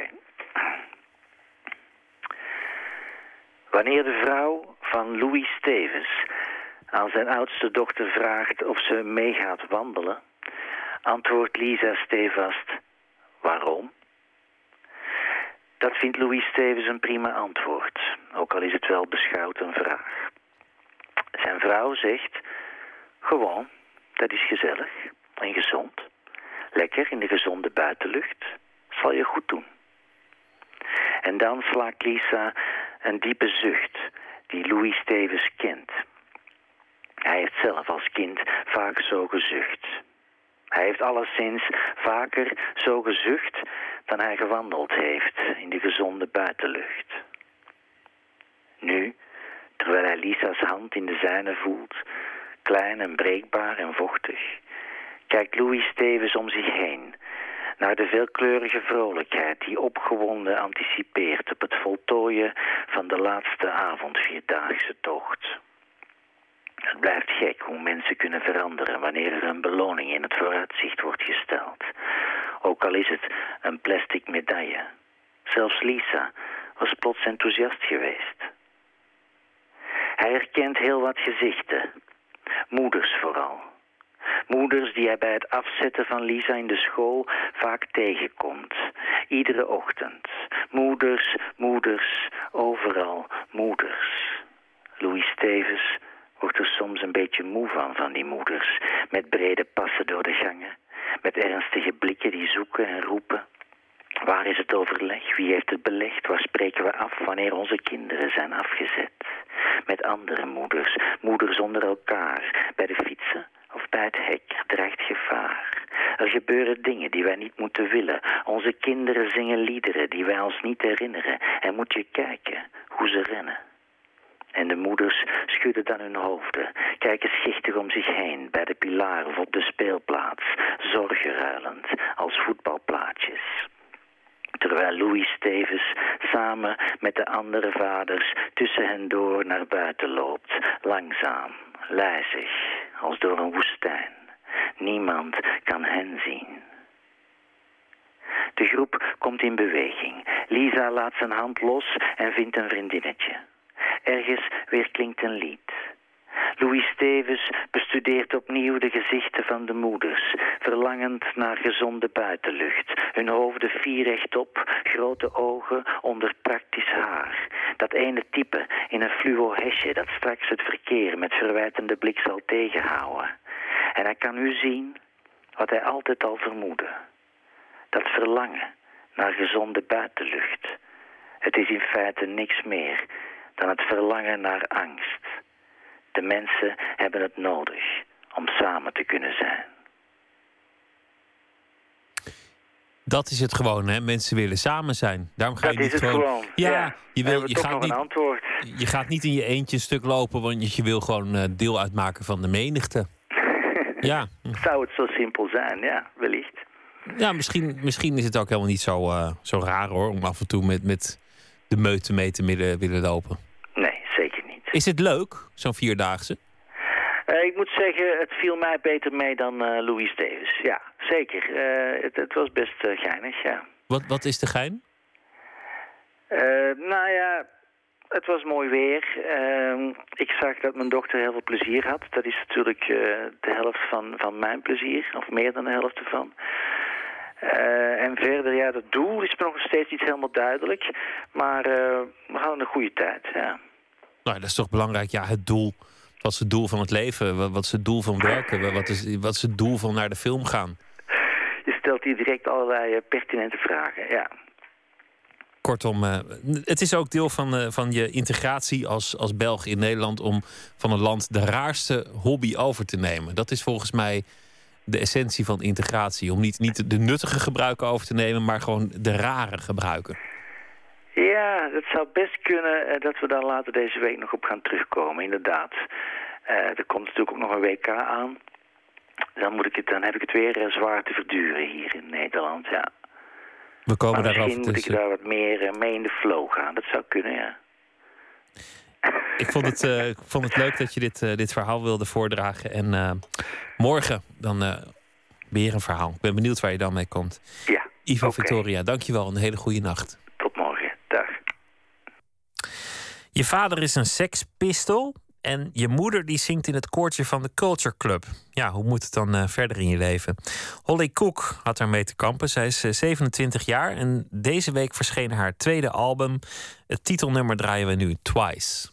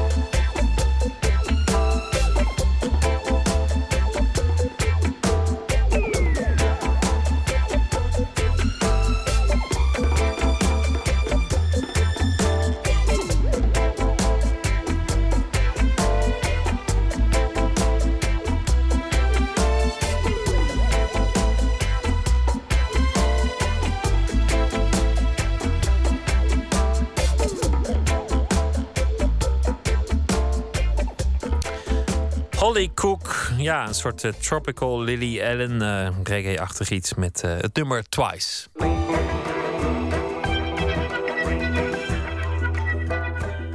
U luistert naar de VPRO op Radio 1. Met cd's van Dr. Anders P. en Doe Maar ontpopt platenbaas Kees de Koning zich al een tijdje als de beschermheer van Nederlands muzikaal nalatenschap. En daar blijft het niet bij, want ook de Surinaamse muziek verdient volgens hem een ereplek. En daarom heeft hij het project Sranan Go To, Surinaams Goud, in het leven geroepen. Het begon vorig jaar al met een plaat met Surinaamse klassiekers. En deze maand brengt Top Notch vijf verzamelalbums uit. Waaronder die van legendarische band Travassi. U kent ze nog wel van eh, de grote hit, 30 jaar geleden alweer, Wasmachine. Onze verslaggever Nicole Terborg die werd erop afgestuurd. En eh, Kees de Koning vond zij in Amsterdam... waar zijn liefde voor Surinaamse muziek begon. Maar als je mij je vingertje wijst, dan zal ik je wat bewijzen. Als je mij je vingertje wijst, dan zal ik je wat bewijzen. Robinomo, als je mij je vingertje wijst, dan zal ik je wat bewijzen. Als je mij je vingertje wijst, dan zal ik... Als ik naar school liep met Montessori Museum vanaf de Hermonielaan uh, over de markt... dan stond daar, stond daar een kraampje die die muziek verkocht. En het waren eigenlijk in eerste instantie meer de hoezen en de namen... dat ik dacht van, wat is dit of zo, het, kriebel. Er was ook nog, er hingen ook altijd veel posters op de markt, weet ik nog, voor concerten. En er was, stond ook altijd een uh, DJ bij, DJ Kees Kunta Kinte. En dat is voor iemand die Kees heet natuurlijk altijd uh, goed nieuws. Het was meer dat het me prikkelde. Omdat het dus Nederlands was, maar ook weer niet. Maar het was natuurlijk ook wel het Nederland wat je in Amsterdam kent.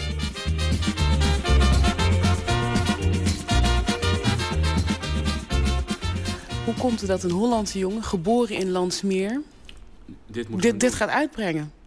Uh, ja, weet ik niet. Hoe komt het dat uh, uh, Max Nijman, een man geboren in Suriname, in het Nederlands gaat zingen? Ik denk dat de geschiedenis van Nederland en Suriname dusdanig met elkaar verbonden is dat dat, ja, dat, dat een non-vraag is eigenlijk.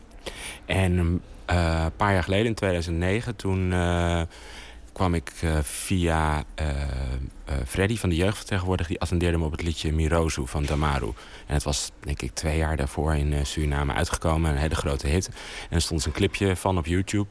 En toen dacht ik, ja, dat liedje zou... waarom zou dat niet hier kunnen werken? En in mijn idee was dus in het verleden... waren er wel eens... Surinaamse liedjes die in Nederland op de radio kwamen. Dus toen ging ik researchen, maar ik kon helemaal niets vinden. Dus het leek alsof of wat mijn herinnering niet helemaal uh, klopte meer. Dus, maar hoe verder ik ging graven... Dus ik probeerde natuurlijk nee, cd's te kopen of uh, op Spotify, op iTunes of op YouTube dingen te vinden. En er was eigenlijk bijna niks te vinden. En ja, dat wakkerde iets bij mij aan... waardoor ik het natuurlijk nog interessanter vond. Omdat het, omdat het ja, verscholen was. Dus toen ben ik heel veel dingen gaan verzamelen en gaan zoeken. En, en dat is eigenlijk sindsdien ben ik daarmee bezig geweest. En uh, een paar jaar geleden uh, heb ik met Topnotch uh, verzameld werk uitgebracht van Dr. Anders P. Volgens mij is dat twee jaar geleden nu. En dat was een heel groot succes opeens. Wat ik, ik vond het heel erg eer om, om, om zoiets te kunnen doen. We brengen natuurlijk altijd nieuwe muziek uit. En dit is dan muziek van een artiest waar je, ja, die voor jou een soort icoon is. En weer een half jaar later werd ik benaderd door Doe Maar. Of ik dan ook uh, betrokken wilde zijn bij het uitbrengen van hun verzameld werk. Dus, en dat was ook weer heel leuk. En dat, dat ging ook, was ook redelijk succesvol. Het ging ook best goed. Dus toen dacht ik dat het leuk zou zijn om, uh, uh, om dat ook met Surinaamse muziek te doen. Alla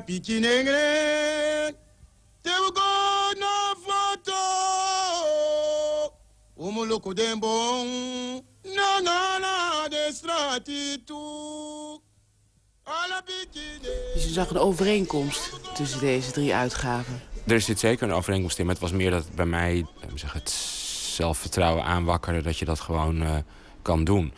Uh, je gaat er bij dat soort iconische dingen altijd van uit dat uh, ja, dat is niet voor jou. En dat daar zullen de mensen die daarmee bezig zijn toch zich wel in verdiepen. Maar ja, dan kom je erachter dat de muziekindustrie niet zo werkt. En dat er um, heel veel ja, dingen uit het verleden die dan misschien niet commercieel heel succesvol zijn geweest. Of dingen. Uh, of dat het op een, op een vrij juist commerciële manier wordt aangepakt en niet als een soort cultureel erfgoed wordt gezien. En door die twee releases had ik meer het zelfvertrouwen van... oké, ik, ik, mag dat nu doen. Nog even terug naar uh, Damaru.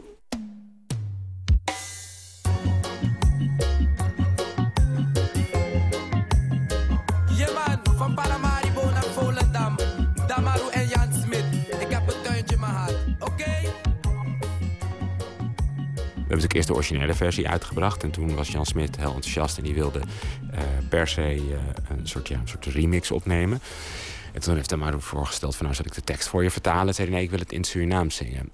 You sting, you eye,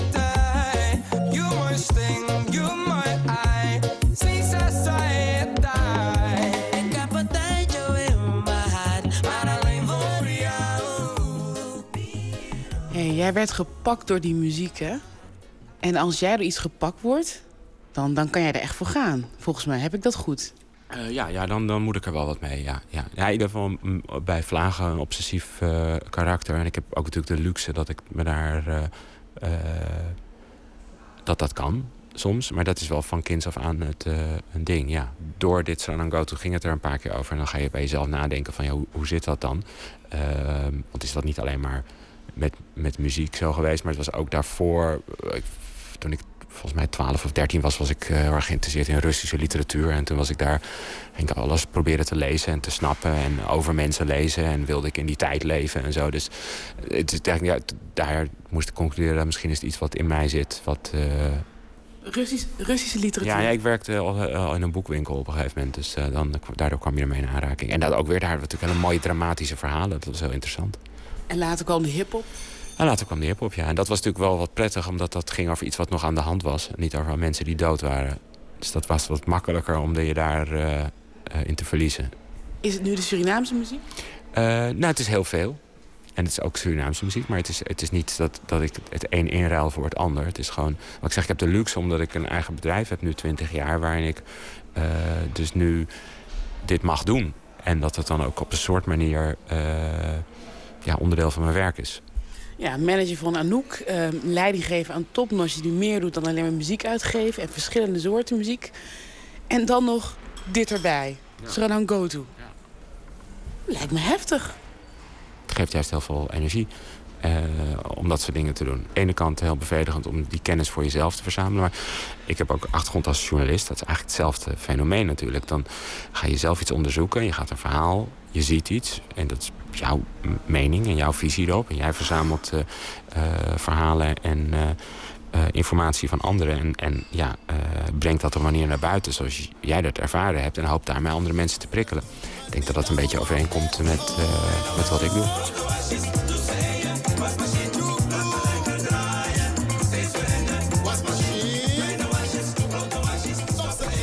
Um, onlangs heb je een verzamelaar uitgebracht van Travassi. Hè? 30 jaar geleden hadden ze een grote hit met de wasmachine.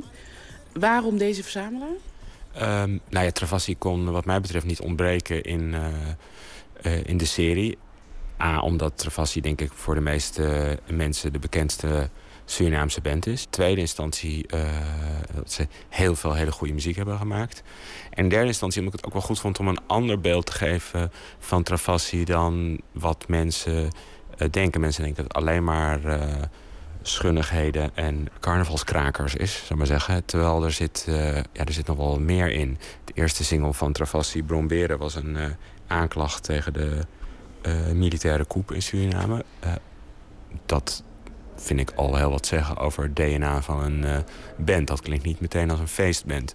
Misuka foto, misuka busi, misuka skoutu, misuka srudati, wan presi no mo mi ben kafeni. Dati ben de pro. No mo no mo wan presi no mo mi ben kafeni.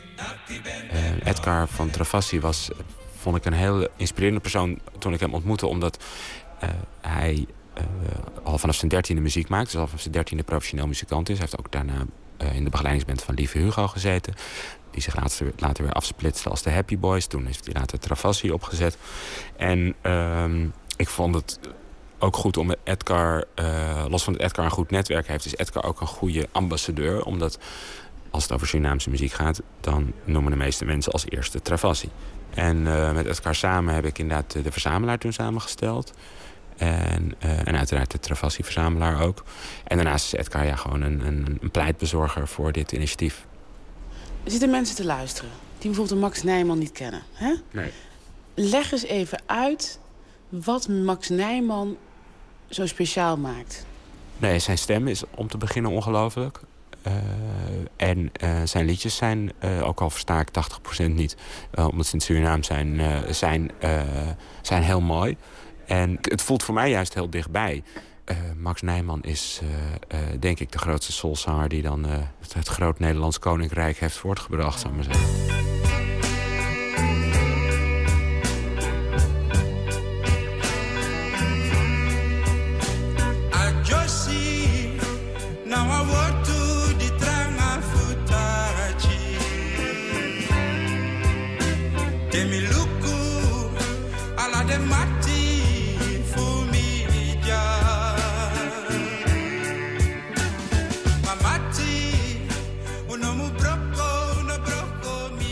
Twee nummers die me heel erg bijgebleven zijn. Uh, Jossie van Max Nijman. Dat is zo'n beetje de grootste evergreen, denk ik, uit Surinaamse muziek. De, de, zeg maar niets meer uh, van André Hazes, maar dan voor Suriname, denk ik. En Master Blaster met Als je mij je vingertje wijst. Want die waren volgens mij dan bij, dat had ik op televisie gezien, die waren bij Sonja Barends op zo'n soort programma. En die, er stond daar een, een enorme band, allemaal in een legertenu gehuld.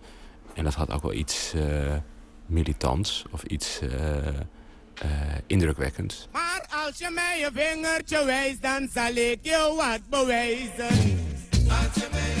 Je bent een jaar geleden begonnen met Sarangotu. Wat voor reacties heb je erop gehad dat je hiermee begonnen bent met het Surinaams, Surinaams-Nederlands erfgoed, moet ik eigenlijk zeggen? Ja, heel veel enthousiaste reacties. Eigenlijk ja, van iedereen die ik tegenkwam of, of, of om, om hulp of advies gevraagd heb. Uh, die, die waren heel enthousiast. Ik was, uh, Edgar had mij een keer meegenomen naar een etentje. Ik, uh, dat is nu iets meer dan een jaar geleden. En dat was uh, in Rotterdam, van, georganiseerd door Henk van Vliet, radiomaker in Suriname. Die heeft ook een tv-programma, dat heet Oru Pokuman, wat dus gaat over de oude Surinaamse muziek. En die organiseert blijkbaar eens per jaar een etentje waar iedereen is. En Edgar had mij meegenomen van, nou, dat is leuk en dan ontmoet je wat mensen. En ik werd daar als een soort van uh, held uh, onthaald. Dat was echt heel... Uh, ik voelde me heel ongemakkelijk. Maar, Beschrijf eens, wat gebeurde Nou ja, omdat het begon met Edgar die Henk van Vliet had ingefluisterd... wat ik aan het doen was, die daar dan wat over vertelde.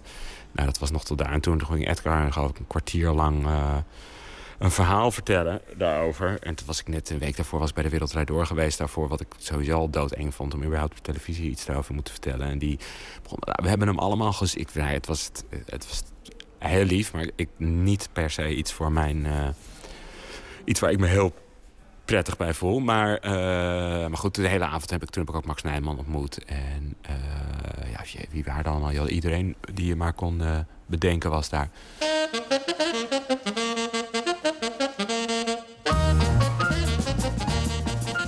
Dynamite gaan we dus ook uh, uh, besteden. Nou, dat wordt gezien als een van de belangrijke jazzmuzikanten... die ooit in Nederland uh, rondgelopen heeft. Ja, daar moet toch...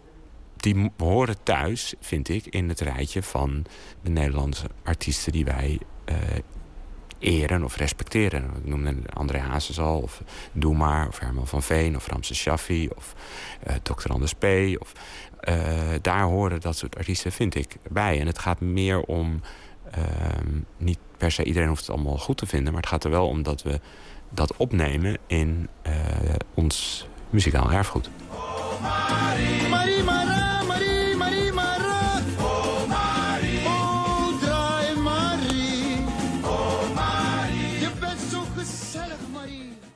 Je bent zo gezellig, Marie. En Kees de Koning die gaat volgend jaar ook een boek uitbrengen over de Surinaamse muziek. Een bijdrage was dat van Nicole Terborg. En van Suriname gaan we naar uh, New York. The Walkman heet de band waar Hamilton Lighthouser de frontman van is. Hij uh, bracht onlangs zijn eigen album uit, Black Hours. En hij heeft een uh, bonusnummer op die plaat gezet met de titel Utrecht. Love yourself, love yourself, lazy fella. It's simpler now. Love yourself, whistling your tune, noon to midnight, back to noon. Snap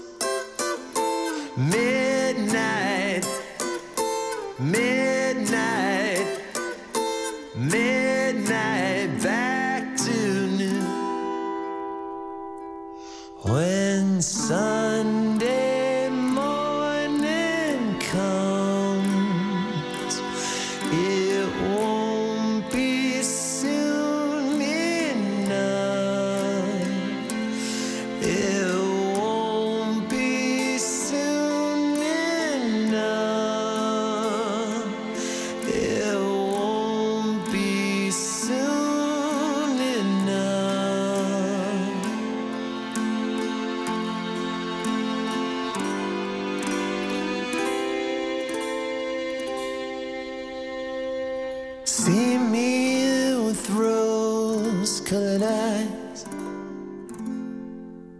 I just keep asking you why.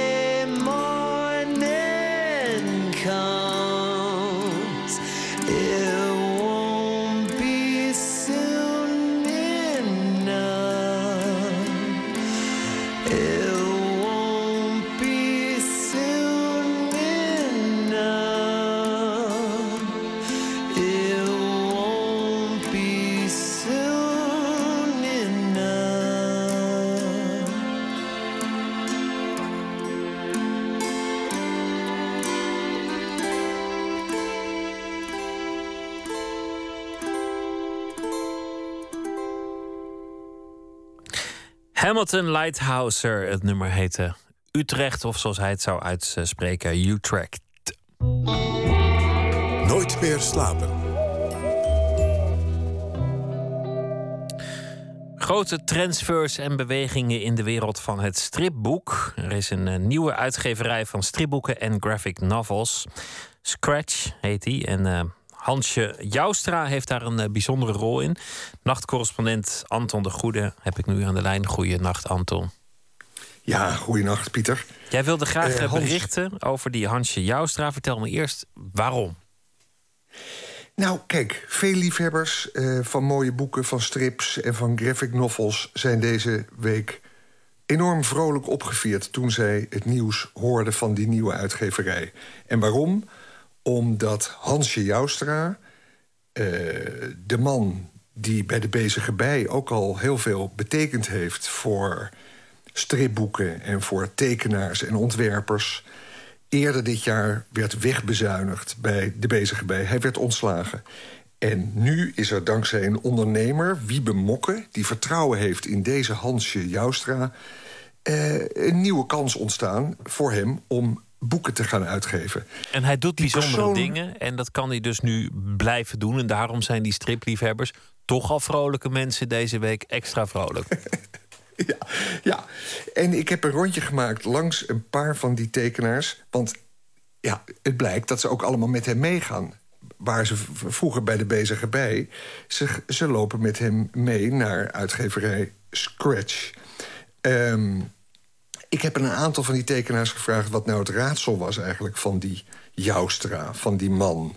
die wij eigenlijk niet kennen, want hij is achter de schermen altijd actief. Joost Zwarte, een van de grote Nederlandse tekenaars... die eh, bekend is van covers van de New Yorker bijvoorbeeld... stond ooit aan het begin van de uitgeefcarrière van deze Hansje Joustra. Luister. Kenmerkend is, is eigenlijk dat we, ik denk in 1984, vaak samen naar Parijs gingen. Want ik gaf mijn boeken altijd uit bij uitgeverij Futuropolis in Parijs. Waren overigens ook goede vrienden. En daar logeerden we dan altijd. En eh, Eigenlijk spelenderwijs is Hansje daar ook in het vak van uitgever gerold. In die zin dat toen ik daar een boek uitgaf en we daar geen Nederlandse uitgever voor hadden... en Hansje die zat in de platenwereld, dus die wist al wat ook van, van zaken doen... Dus het leek eigenlijk heel voor de hand liggend dat hij dat boek dan in een Nederlandse editie eh, zou uitbrengen. En zo is dat ook gegaan. Wij wisten eigenlijk van tevoren, als wij op pad gingen, ook nooit waar dat toe zou leiden. Maar het heeft altijd tot goede dingen geleid. Joost Zwart, een, een, een grootheid in, in de stripboekenwereld. Over Hansje Joustra. Wat, wat voor man is het? Vertel eens. Hansje Joustra had vroeger een punkwinkel. En Hansje Joustra heeft altijd gekozen voor de underground en Een voor de punkwinkel? kwaliteit. Wat, wat verkopen ze in een Ja, punkwinkel? een, een punk, eh, platen. Punkplaten. oh, punk, Hij had een van, plaat- van, van, die, van die muziek. Ja, ja. van die muziek. Ja. En dat is eigenlijk zijn achtergrond. Ehm, en hij heeft kennis van buitenlandse uitgevers. Ik vroeg nog een tekenaar, Erik Kriek... eh, bekend van bijvoorbeeld H.P. Lovecraft-verhalen... die hij verstript heeft... die in het Spaans, in het Frans, in het Italiaans... in het Duits zijn uitgegeven. Hele goede tekenaar ook. Ik vroeg ook hem naar, naar wat hij vond van Hansje Joustra. Belangrijk is dat hij ook altijd eh, auteurs, eh, op het niveau van de auteurs gaat zitten. En niet, en niet meteen begint met contracten en, en over, over strips. Hij gaat juist meteen... Bijvoorbeeld Robert Crump gaat, gaat hij mee, gaat hij met platen kopen, weet je wel. Of, eh, dus een notoir moeilijke man, maar, maar hij gaat bijvoorbeeld elk jaar naar Robert Crump met een, met een auto vol met chocomel. Dat is het enige wat eh, Robert Crump lekker vindt. Dat hebben ze niet in Frankrijk. Zo'n man is het, weet je wel. Nou ja, goed, eh, goed voor het contact met de auteur. Als hij dat lekker vindt, dan ga je, ga je langs met die, met die, met die chocomel. Het zou natuurlijk mooi zijn als deze man de, de, de stripwereld in Nederland ook een beetje op, op de kaart zet. Want we maken hier heel veel mooie stripboeken. Althans, ze maken hier hele mooie stripboeken. Maar de markt is veel groter in België, in Frankrijk, in andere landen. Het zou natuurlijk mooi zijn als dat ja, een, een soort veertje in, de- in, in de, de rug kreeg. Ja, nou ja, goed. En daar heb je dus deze Hansje Joustra voor nodig. Typex die zei... eh, hij heeft, hè, die vorige week nog bij jou Ja. te gast was... in Nooit meer slapen, met, met zijn fantastische Rembrandt-boek. Prachtig boek. Hij zei, hij zei de bezige bij, heeft mijn boek eh, verkocht aan een, eh, aan een eh, Spaanse uitgever... maar eigenlijk niet aan de goede uitgever. Want het is nu in het Spaans, maar er wordt geen eh, advertentie voor geplaatst... En Hansje Joustra, als hij dat zelf gedaan had... dan had hij een betere uitgever gekozen. Typex die schreef mij en hij zei... wanneer Hansje Joustra in een andere tijd had geleefd... was hij waarschijnlijk levenslang opgesloten. Hij is zonder meer een van de grootste maloten die ik ooit ontmoet heb. Het risico van malotigheid is dat je niet voor vol wordt aangezien. Dat was het geval in Hansjes vorige betrekking bij de bezige bij. Zijn onuitputtelijke kennis en inzicht werden daar niet benut. En het heeft er alle schijn van, einde citaat... het heeft er alle schijn van dat dat eh, talent nu weer wel benut kan worden. Ik wil graag afsluiten met Hansje Joustra zelf aan het woord te laten. Ik vroeg hem namelijk eerder vandaag wat hij eigenlijk gaat doen... bij die nieuwe uitgeverij Scratch. Luister. Nou, eh, mijn plannen zijn eh, eigenlijk heel erg mooie boeken maken. En ik ben eh, ook van plan om de debu debutanten een grote kans te geven. En je had in Amerika vroeger een blad als Roll. En zo'n soort blad willen we ook nog uitgeven. En wat, typ- het- wat typeert het blad Raw? Nou, hele moderne tekenaars die, die gewoon iets, eh, ja, nieuws doen. Net zoals ik mijn eerste boek, eh, dat zal zijn eh, van Henning Wagenbret. Dat is een Duitse tekenaar. En dat is een nieuwe stijl van striptekenen. En dan wil ik ook nog klassiekers doen. En daar bedoel ik mee gewoon de hele oude, ja, zeg maar de oude boekjes als, ja, Kuifje. Dan, dan gaat het niet om Kuifje, maar in die richting. En daar hele mooie albums nog van maken. In de zin met een boek bij, extra werk, met schetsen, et cetera, et cetera.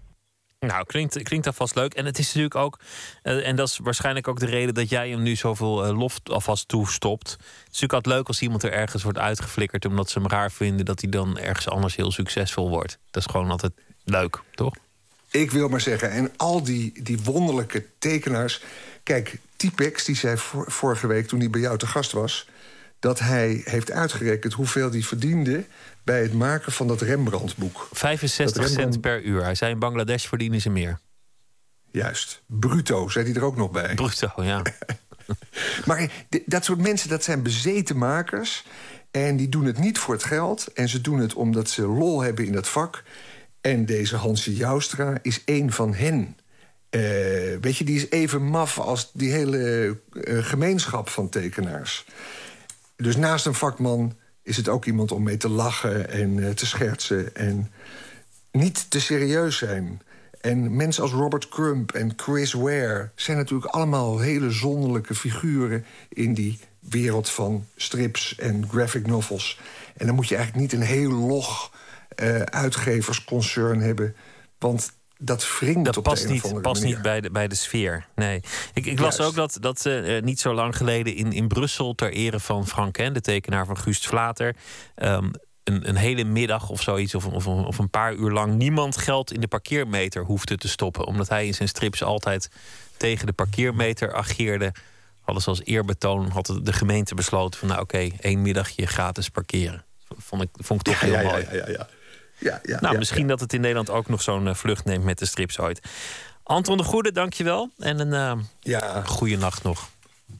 Jij ook daar in Hilversum. Ja. Dag. Dag. We gaan luisteren naar eh, Dark Side of the Soul. Zo heet het album waarop producer Danger Mouse en Sparkle Horse... met allerlei vocalisten samenwerken. Eén nummer deden ze met de New Yorkse zangeres Suzanne Vega. En die gaan we draaien. The Man Who Played God.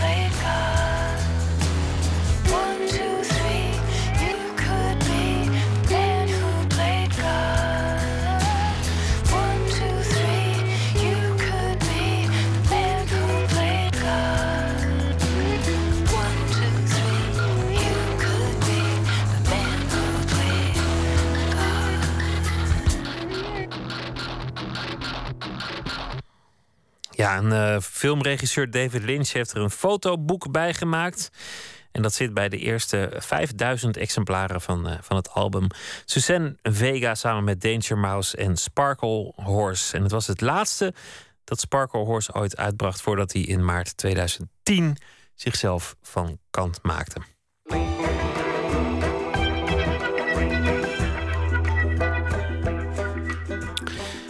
In het Singermuseum in Laren opende vorige week de tentoonstelling Droomkunst. Kunstverzamelaar Gerard van Wezel mocht bijna alle zalen van het museum vullen met zijn collectie kunst van rond de jaren 1900 en 2000.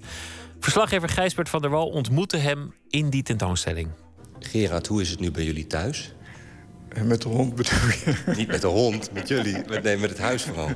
Leeg, met heel veel gaatjes in de muur van het verhangen. Om te kijken uh, hoe je uh, tot een mooi beeld kon komen. Een mooie combinaties van schilderijen. En dat uh, kwam er weer iets nieuws bij. En dan moesten we heel veel wijken.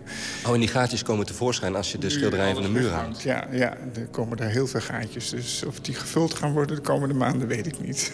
Ja, snel dingen erbij verzamelen misschien. Dat is al gebeurd, ja.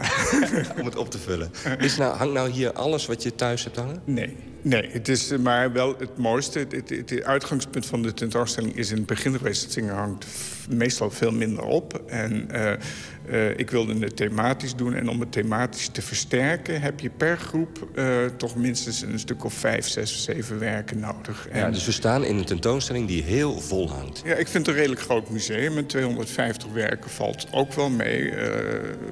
vroeger was dat eerder gebruikelijk, grote aantallen. Maar ze hebben het wel geweten, ja. ja. Gerard van Wezel, werkzaam bij Monumentenzorg... verzamelt al sinds de jaren 70 symbolistische kunst... uit de periode rond 1900. Het fin de siècle.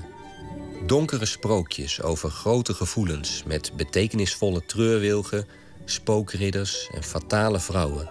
Getekend en geschilderd door kunstenaars als Jan Torop... Willem van Konijnenburg en Richard Roland Holst met name die latere symbolisten na 1900... die waren nog heel goedkoop in die periode. Je ziet ze op veel veilingen. Uh, vaak hebben mensen het niet in de gaten. En dan uh, kan ik toeslaan voor weinig geld. Nog steeds? Ja, nog steeds, ja. Je hebt natuurlijk, uh, ik zou best een van Doesburg, een abstracte van Doesburg willen hebben. Maar dan eentje zo'n zo beetje antropomorf rond 1915. Ja, maar die komt niet op de markt of is te duur. Ja. En zo weet ik wel wat meer op te noemen. Maar je hebt andere kunstenaars, uh, uh, Bendien en zo. Die, nou, die is ook al wel duurder. Maar ook heel veel die nog, Plasgaard, die nog steeds voorbij komen voor weinig geld.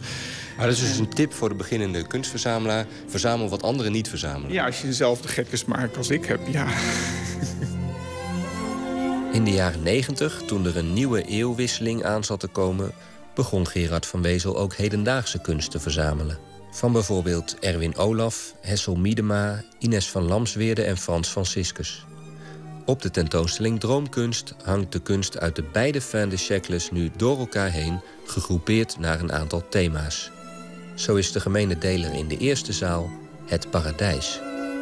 Ja, uh, het paradijs uh, en uh, het Arcadië. Het, de natuur zoals je die misschien geweest is in het paradijs... of je in ideaal staat zou verwachten.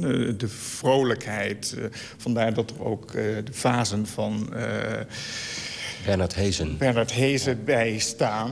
Die een soort, soort overdaad aan vorm, een soort hoogtepunt van uh, ja, rond het millennium uh, weergeven. Hij is daarna ook vrij snel uh, weer een wat andere richting opgegaan. Ja, want dat is dus typisch van de kunst van rond dat millennium... of althans van een bepaald soort kunst van rond die mm. tijd. Iets heel exuberants, hè? Ja, ja de, de overdaad en uh, de welvaart uh, in, in, de maatschappij. Uh, geld het kon niet op in de jaren in de feesten en zo. Dat, dat zie je in de kunst tot uiting komen. Decadentie ook, is ook een goed woord. Ja, dat, is, ja en dat vind ik een mooi woord in positieve zin. Sommige mensen vinden decadentie een negatief aspect hebben. Maar ja, ook de vervreemding. En het, het, het- zoals men het weergegeven heeft. eh, Ola, Erwin Olaf is dan natuurlijk een heel mooi voorbeeld van Misha Klein. Met een, een feesten en, en ja, bijna chockerende beelden. Maar wat heel... Beelden die er ook een beetje uitzien als een soort LSD-trip. Ja, absoluut. Ja, ja. En, en dat, dat eh, komt met name bij die twee kunstenaars het best tot uiting. Eh, en dat begint in het begin van eh, 2000 alweer te veranderen. Olaf zie je het ook heel duidelijk. Van, vanaf... En jij zei net even dat het misschien te maken heeft met de crisis die opkomt. Ja, misschien dat is wat later natuurlijk. Hè. En, en eh 9-11 wordt ook wel eens gebruikt en zo. Maar die afstand, eh, om dat, die, die eh, precies te leggen... Die, die scheiding wanneer het een naar het andere overging... eh, dat is nog heel moeilijk te zien. En, en ik zie dat ook rond 1900... eh, Maar zou die, dat einde van de eeuw ook een soort psychische grens zijn?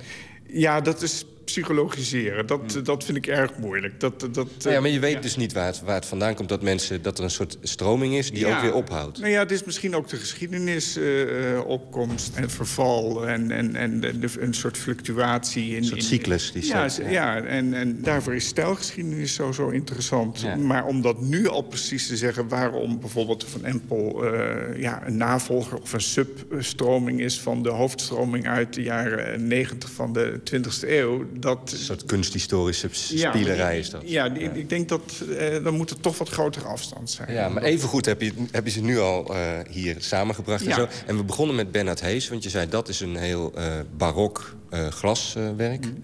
En dat heb je dan gecombineerd met... G. Karel van der Sterren, een zeer uitbundig, echt geweldige schilderij... met eh guirlandes van bloemen en kolibries. En als je dat hangt naast de Van Hoytema... dan heb je dezelfde ongelooflijke, vrolijke wereld...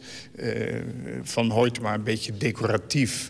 Maar toch ook ja, een, een raar soort... eh, neerzetten van die goudverzanten met die, met die slingers op de achtergrond. Ja, dus dat zijn, dat van Hoytema voor de duidelijkheid is 1894 Ja. ongeveer. Dus dat is een eeuw eerder, maar die twee zijn volgens jou verwant. Ja, nou ja... voor- van der Sterren, Ja, is- hedendaagse schilder. Ja, in ieder geval wat, wat beeldtaal betreft. Het is Ja. een eh, nou, enorme eh, verwantschap. En als je bij Van Empel kijkt naar de paddenstoel, het gebruik van paddenstoelen... daar hangt iets van Goedvriend en de Boer uit de jaren 30. Maar Goedvriend is, is eind eh, 19e eeuw. En dan zie je Reinhard van Vught met zijn paddenstoelen en Van Empel. En dan vraag je je af, ja, eh, hoe komen zij bij de liefhebberij... voor het schilderen van paddenstoelen? En Het heeft ook wel een beetje te maken met een soort eh, mode om kitscherige beelden te maken in, in de jaren negentig. Dus met paddenstoelen, maar ook met zo'n ja, die guirlandes van bloemen en zo. Ja. Het is een, een beetje camp. Ja, het, het- nou een beetje camp. eh, echte camp is wel wat, wat, wat eh, heavier, maar... eh, Het is een beetje spelen daarmee. Ja, het is, het, is, het is ermee spelen. En ik vind, ja, ik moet over kitsch heel veel nadenken. En, maar wat ik kitsch noem, dat hangt niet hier. maar het, het speelt er wel mee, ja. Het is overdadig.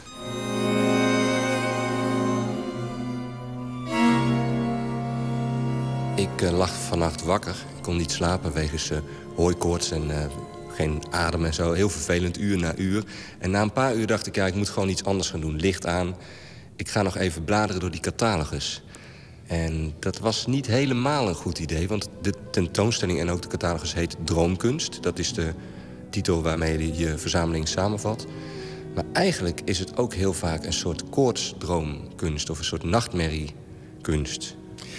Ja, nou, Met andere woorden, niet heel geschikt om s'nachts, als je niet kunt slapen... met een half, half vermoeid hoofd eh, te gaan eh, bekijken. Ja, nee, het, het- het- ik, ik kan me heel goed voorstellen dat de titel droomkunst eh, niet ideaal is misschien. Omdat dromen worden als positief gezien als, als verlangen. Maar dromen zijn ook de verwerking van allerlei trauma's. En die zie je denk ik ook wel in beeld gebracht.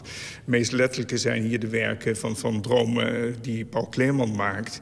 Ja, want Paul Kleeman tekent elke dag, geloof ik, of elke paar dagen... wat hij s'nachts gedroomd heeft. Ja, klopt. Hij gaat dan bed uit, maakt een schets of schrijft een aantal steekwoorden op... en de volgende dag wordt dat uitgewerkt in een tekening.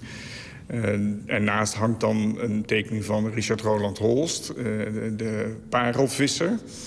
Uit 1918... die qua beeldtaal ontzettend aansluit bij eh, Paul Kleeman. Maar of eh, dat voortgekomen is uit een droom...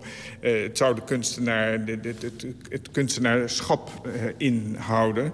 Dit is een soort verbeelding van het kunstenaarschap. Ja. De, namelijk de kunstenaar is een soort parelduiker. Ja.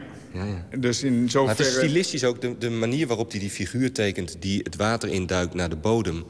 eh, lijkt ook erg op hoe Paul Kleeman zijn figuren tekent in zijn droomtekeningen... behalve dan dat het een eeuw eerder is en in zwart-wit... terwijl Paul Kleeman het in kleurpotlood doet. Ja, nee, klopt. De, de, de vervormingen van het beeld en, en de diagonalen erin. En, en dat, dat lijkt heel, heel erg op elkaar. En daarvoor hangen ze ook bij elkaar. Ja, het is een hele mooie combinatie dus. Ja, maar de, de, de titel eh, Droomkunst eh, is, is eh, niet misschien voor de hand liggend. Het, het is ook door het museum uiteindelijk gekozen. In het begin hebben we ook gespeeld met de decadentie en, en dat soort titels. Ja, en als je het nachtmerriekunst noemt, dan komt er natuurlijk Dan niemand. komt er helemaal niemand.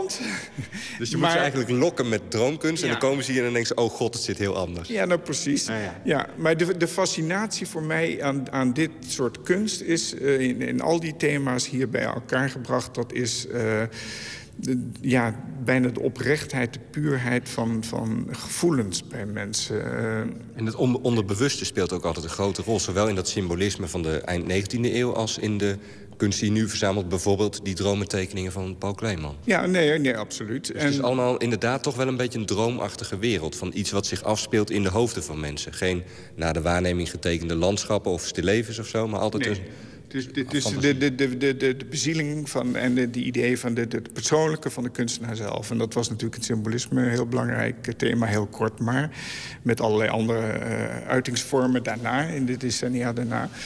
En nu komen de moderne uit Nederland en een aantal buitenlandse Ja, kunstenaars. en, maar die doen dus voor een deel eigenlijk iets vergelijkbaars. Ja, ja. Ook weer het onderbewuste, fantasieachtige, eh, droomachtige of nachtmerrieachtige voorstelling. Ja, maar dan misschien niet zo als, als Kleeman vanuit zijn eigen eh, ja, eh, slaapwerkelijkheid... maar meer uit eh, literatuur en, en, en sprookjeszagen. Tegenwoordig zie je ook de science fiction. Dat heb ik niet, maar er zijn hele mooie voorbeelden van... die, eh, die ik hier graag bij zou eh, willen hebben.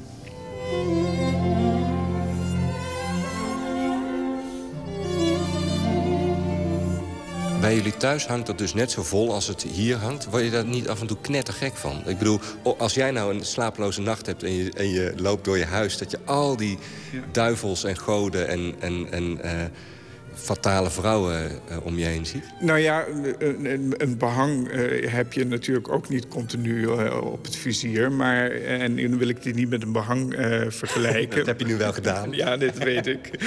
je bedoelt, je kijkt er niet maar voortdurend je, naar. Je, ziet je interieur, op een gegeven moment zie je ook bepaalde dingen niet meer. En of, of ik wil, als ik s s'avonds in alle rust nog eens naar dingen ga kijken... en denk oh ja, nee, dat vind ik heel leuk en prachtig en geweldig. Maar ja, de schrikbeelden, alle schrikbeelden, die hangen ook niet zo eh, eh, in het zicht, hoor. Eh, en het is ook wel gecombineerd. Maar Er ja, hangen geen nachtmerries boven jouw bed. toevallig wel. Separation van Erwin Olaf. Welke is dat? Deze groene. Dit hangt boven jouw bed. Ja, maar dat is puur omdat het in de slaapkamer altijd heel erg donker is. Dat, Ja, want dit is een beeld van een, een beetje schemerige kamer. En wat zien we? We zien een moeder en kind. En dat kind dat loopt heel vrolijk naar eh, de moeder. De moeder steekt haar armen uit. Maar dat kind en moeder zijn in een soort eh, SM-pakjes gehuld. Dat is natuurlijk een vreselijk beeld. Maar het is Ja, want dat kind heeft dus inderdaad zo'n zwart glimmend pak aan... en zo'n zo'n soort zwart lederen bal in zijn mond. Ja, nee, dat is afschuwelijk. Ik vind het ook eh, niet prettig om, daar, om dit verhaal in te leven. Dat, dat dus is dit is inderdaad een nachtmerrie boven je bed. de, eh, toevallig wel, maar kijk, boven het bed, dat zegt niks, want daar kijk ik niet naar. Swing low, swing low, for to carry me home in fire, the of red.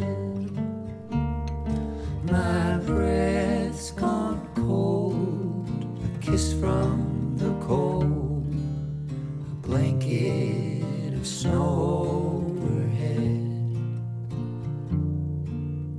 So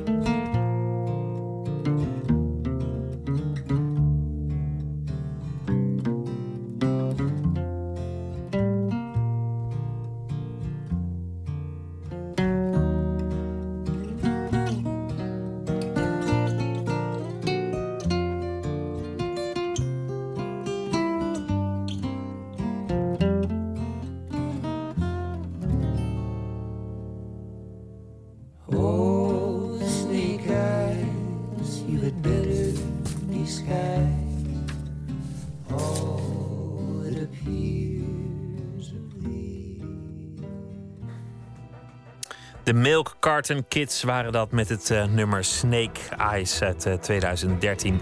Zo zijn we aan het einde gekomen van deze aflevering van Nooit meer slapen. Morgen zijn we er weer na middernacht. Ik wens u een eh, goede nacht, morgen een leuke dag. En zometeen op deze zender ehm, de collega's van Wakker Nederland met eh, hun show Nog Steeds Wakker. Ik wens u een goede nacht.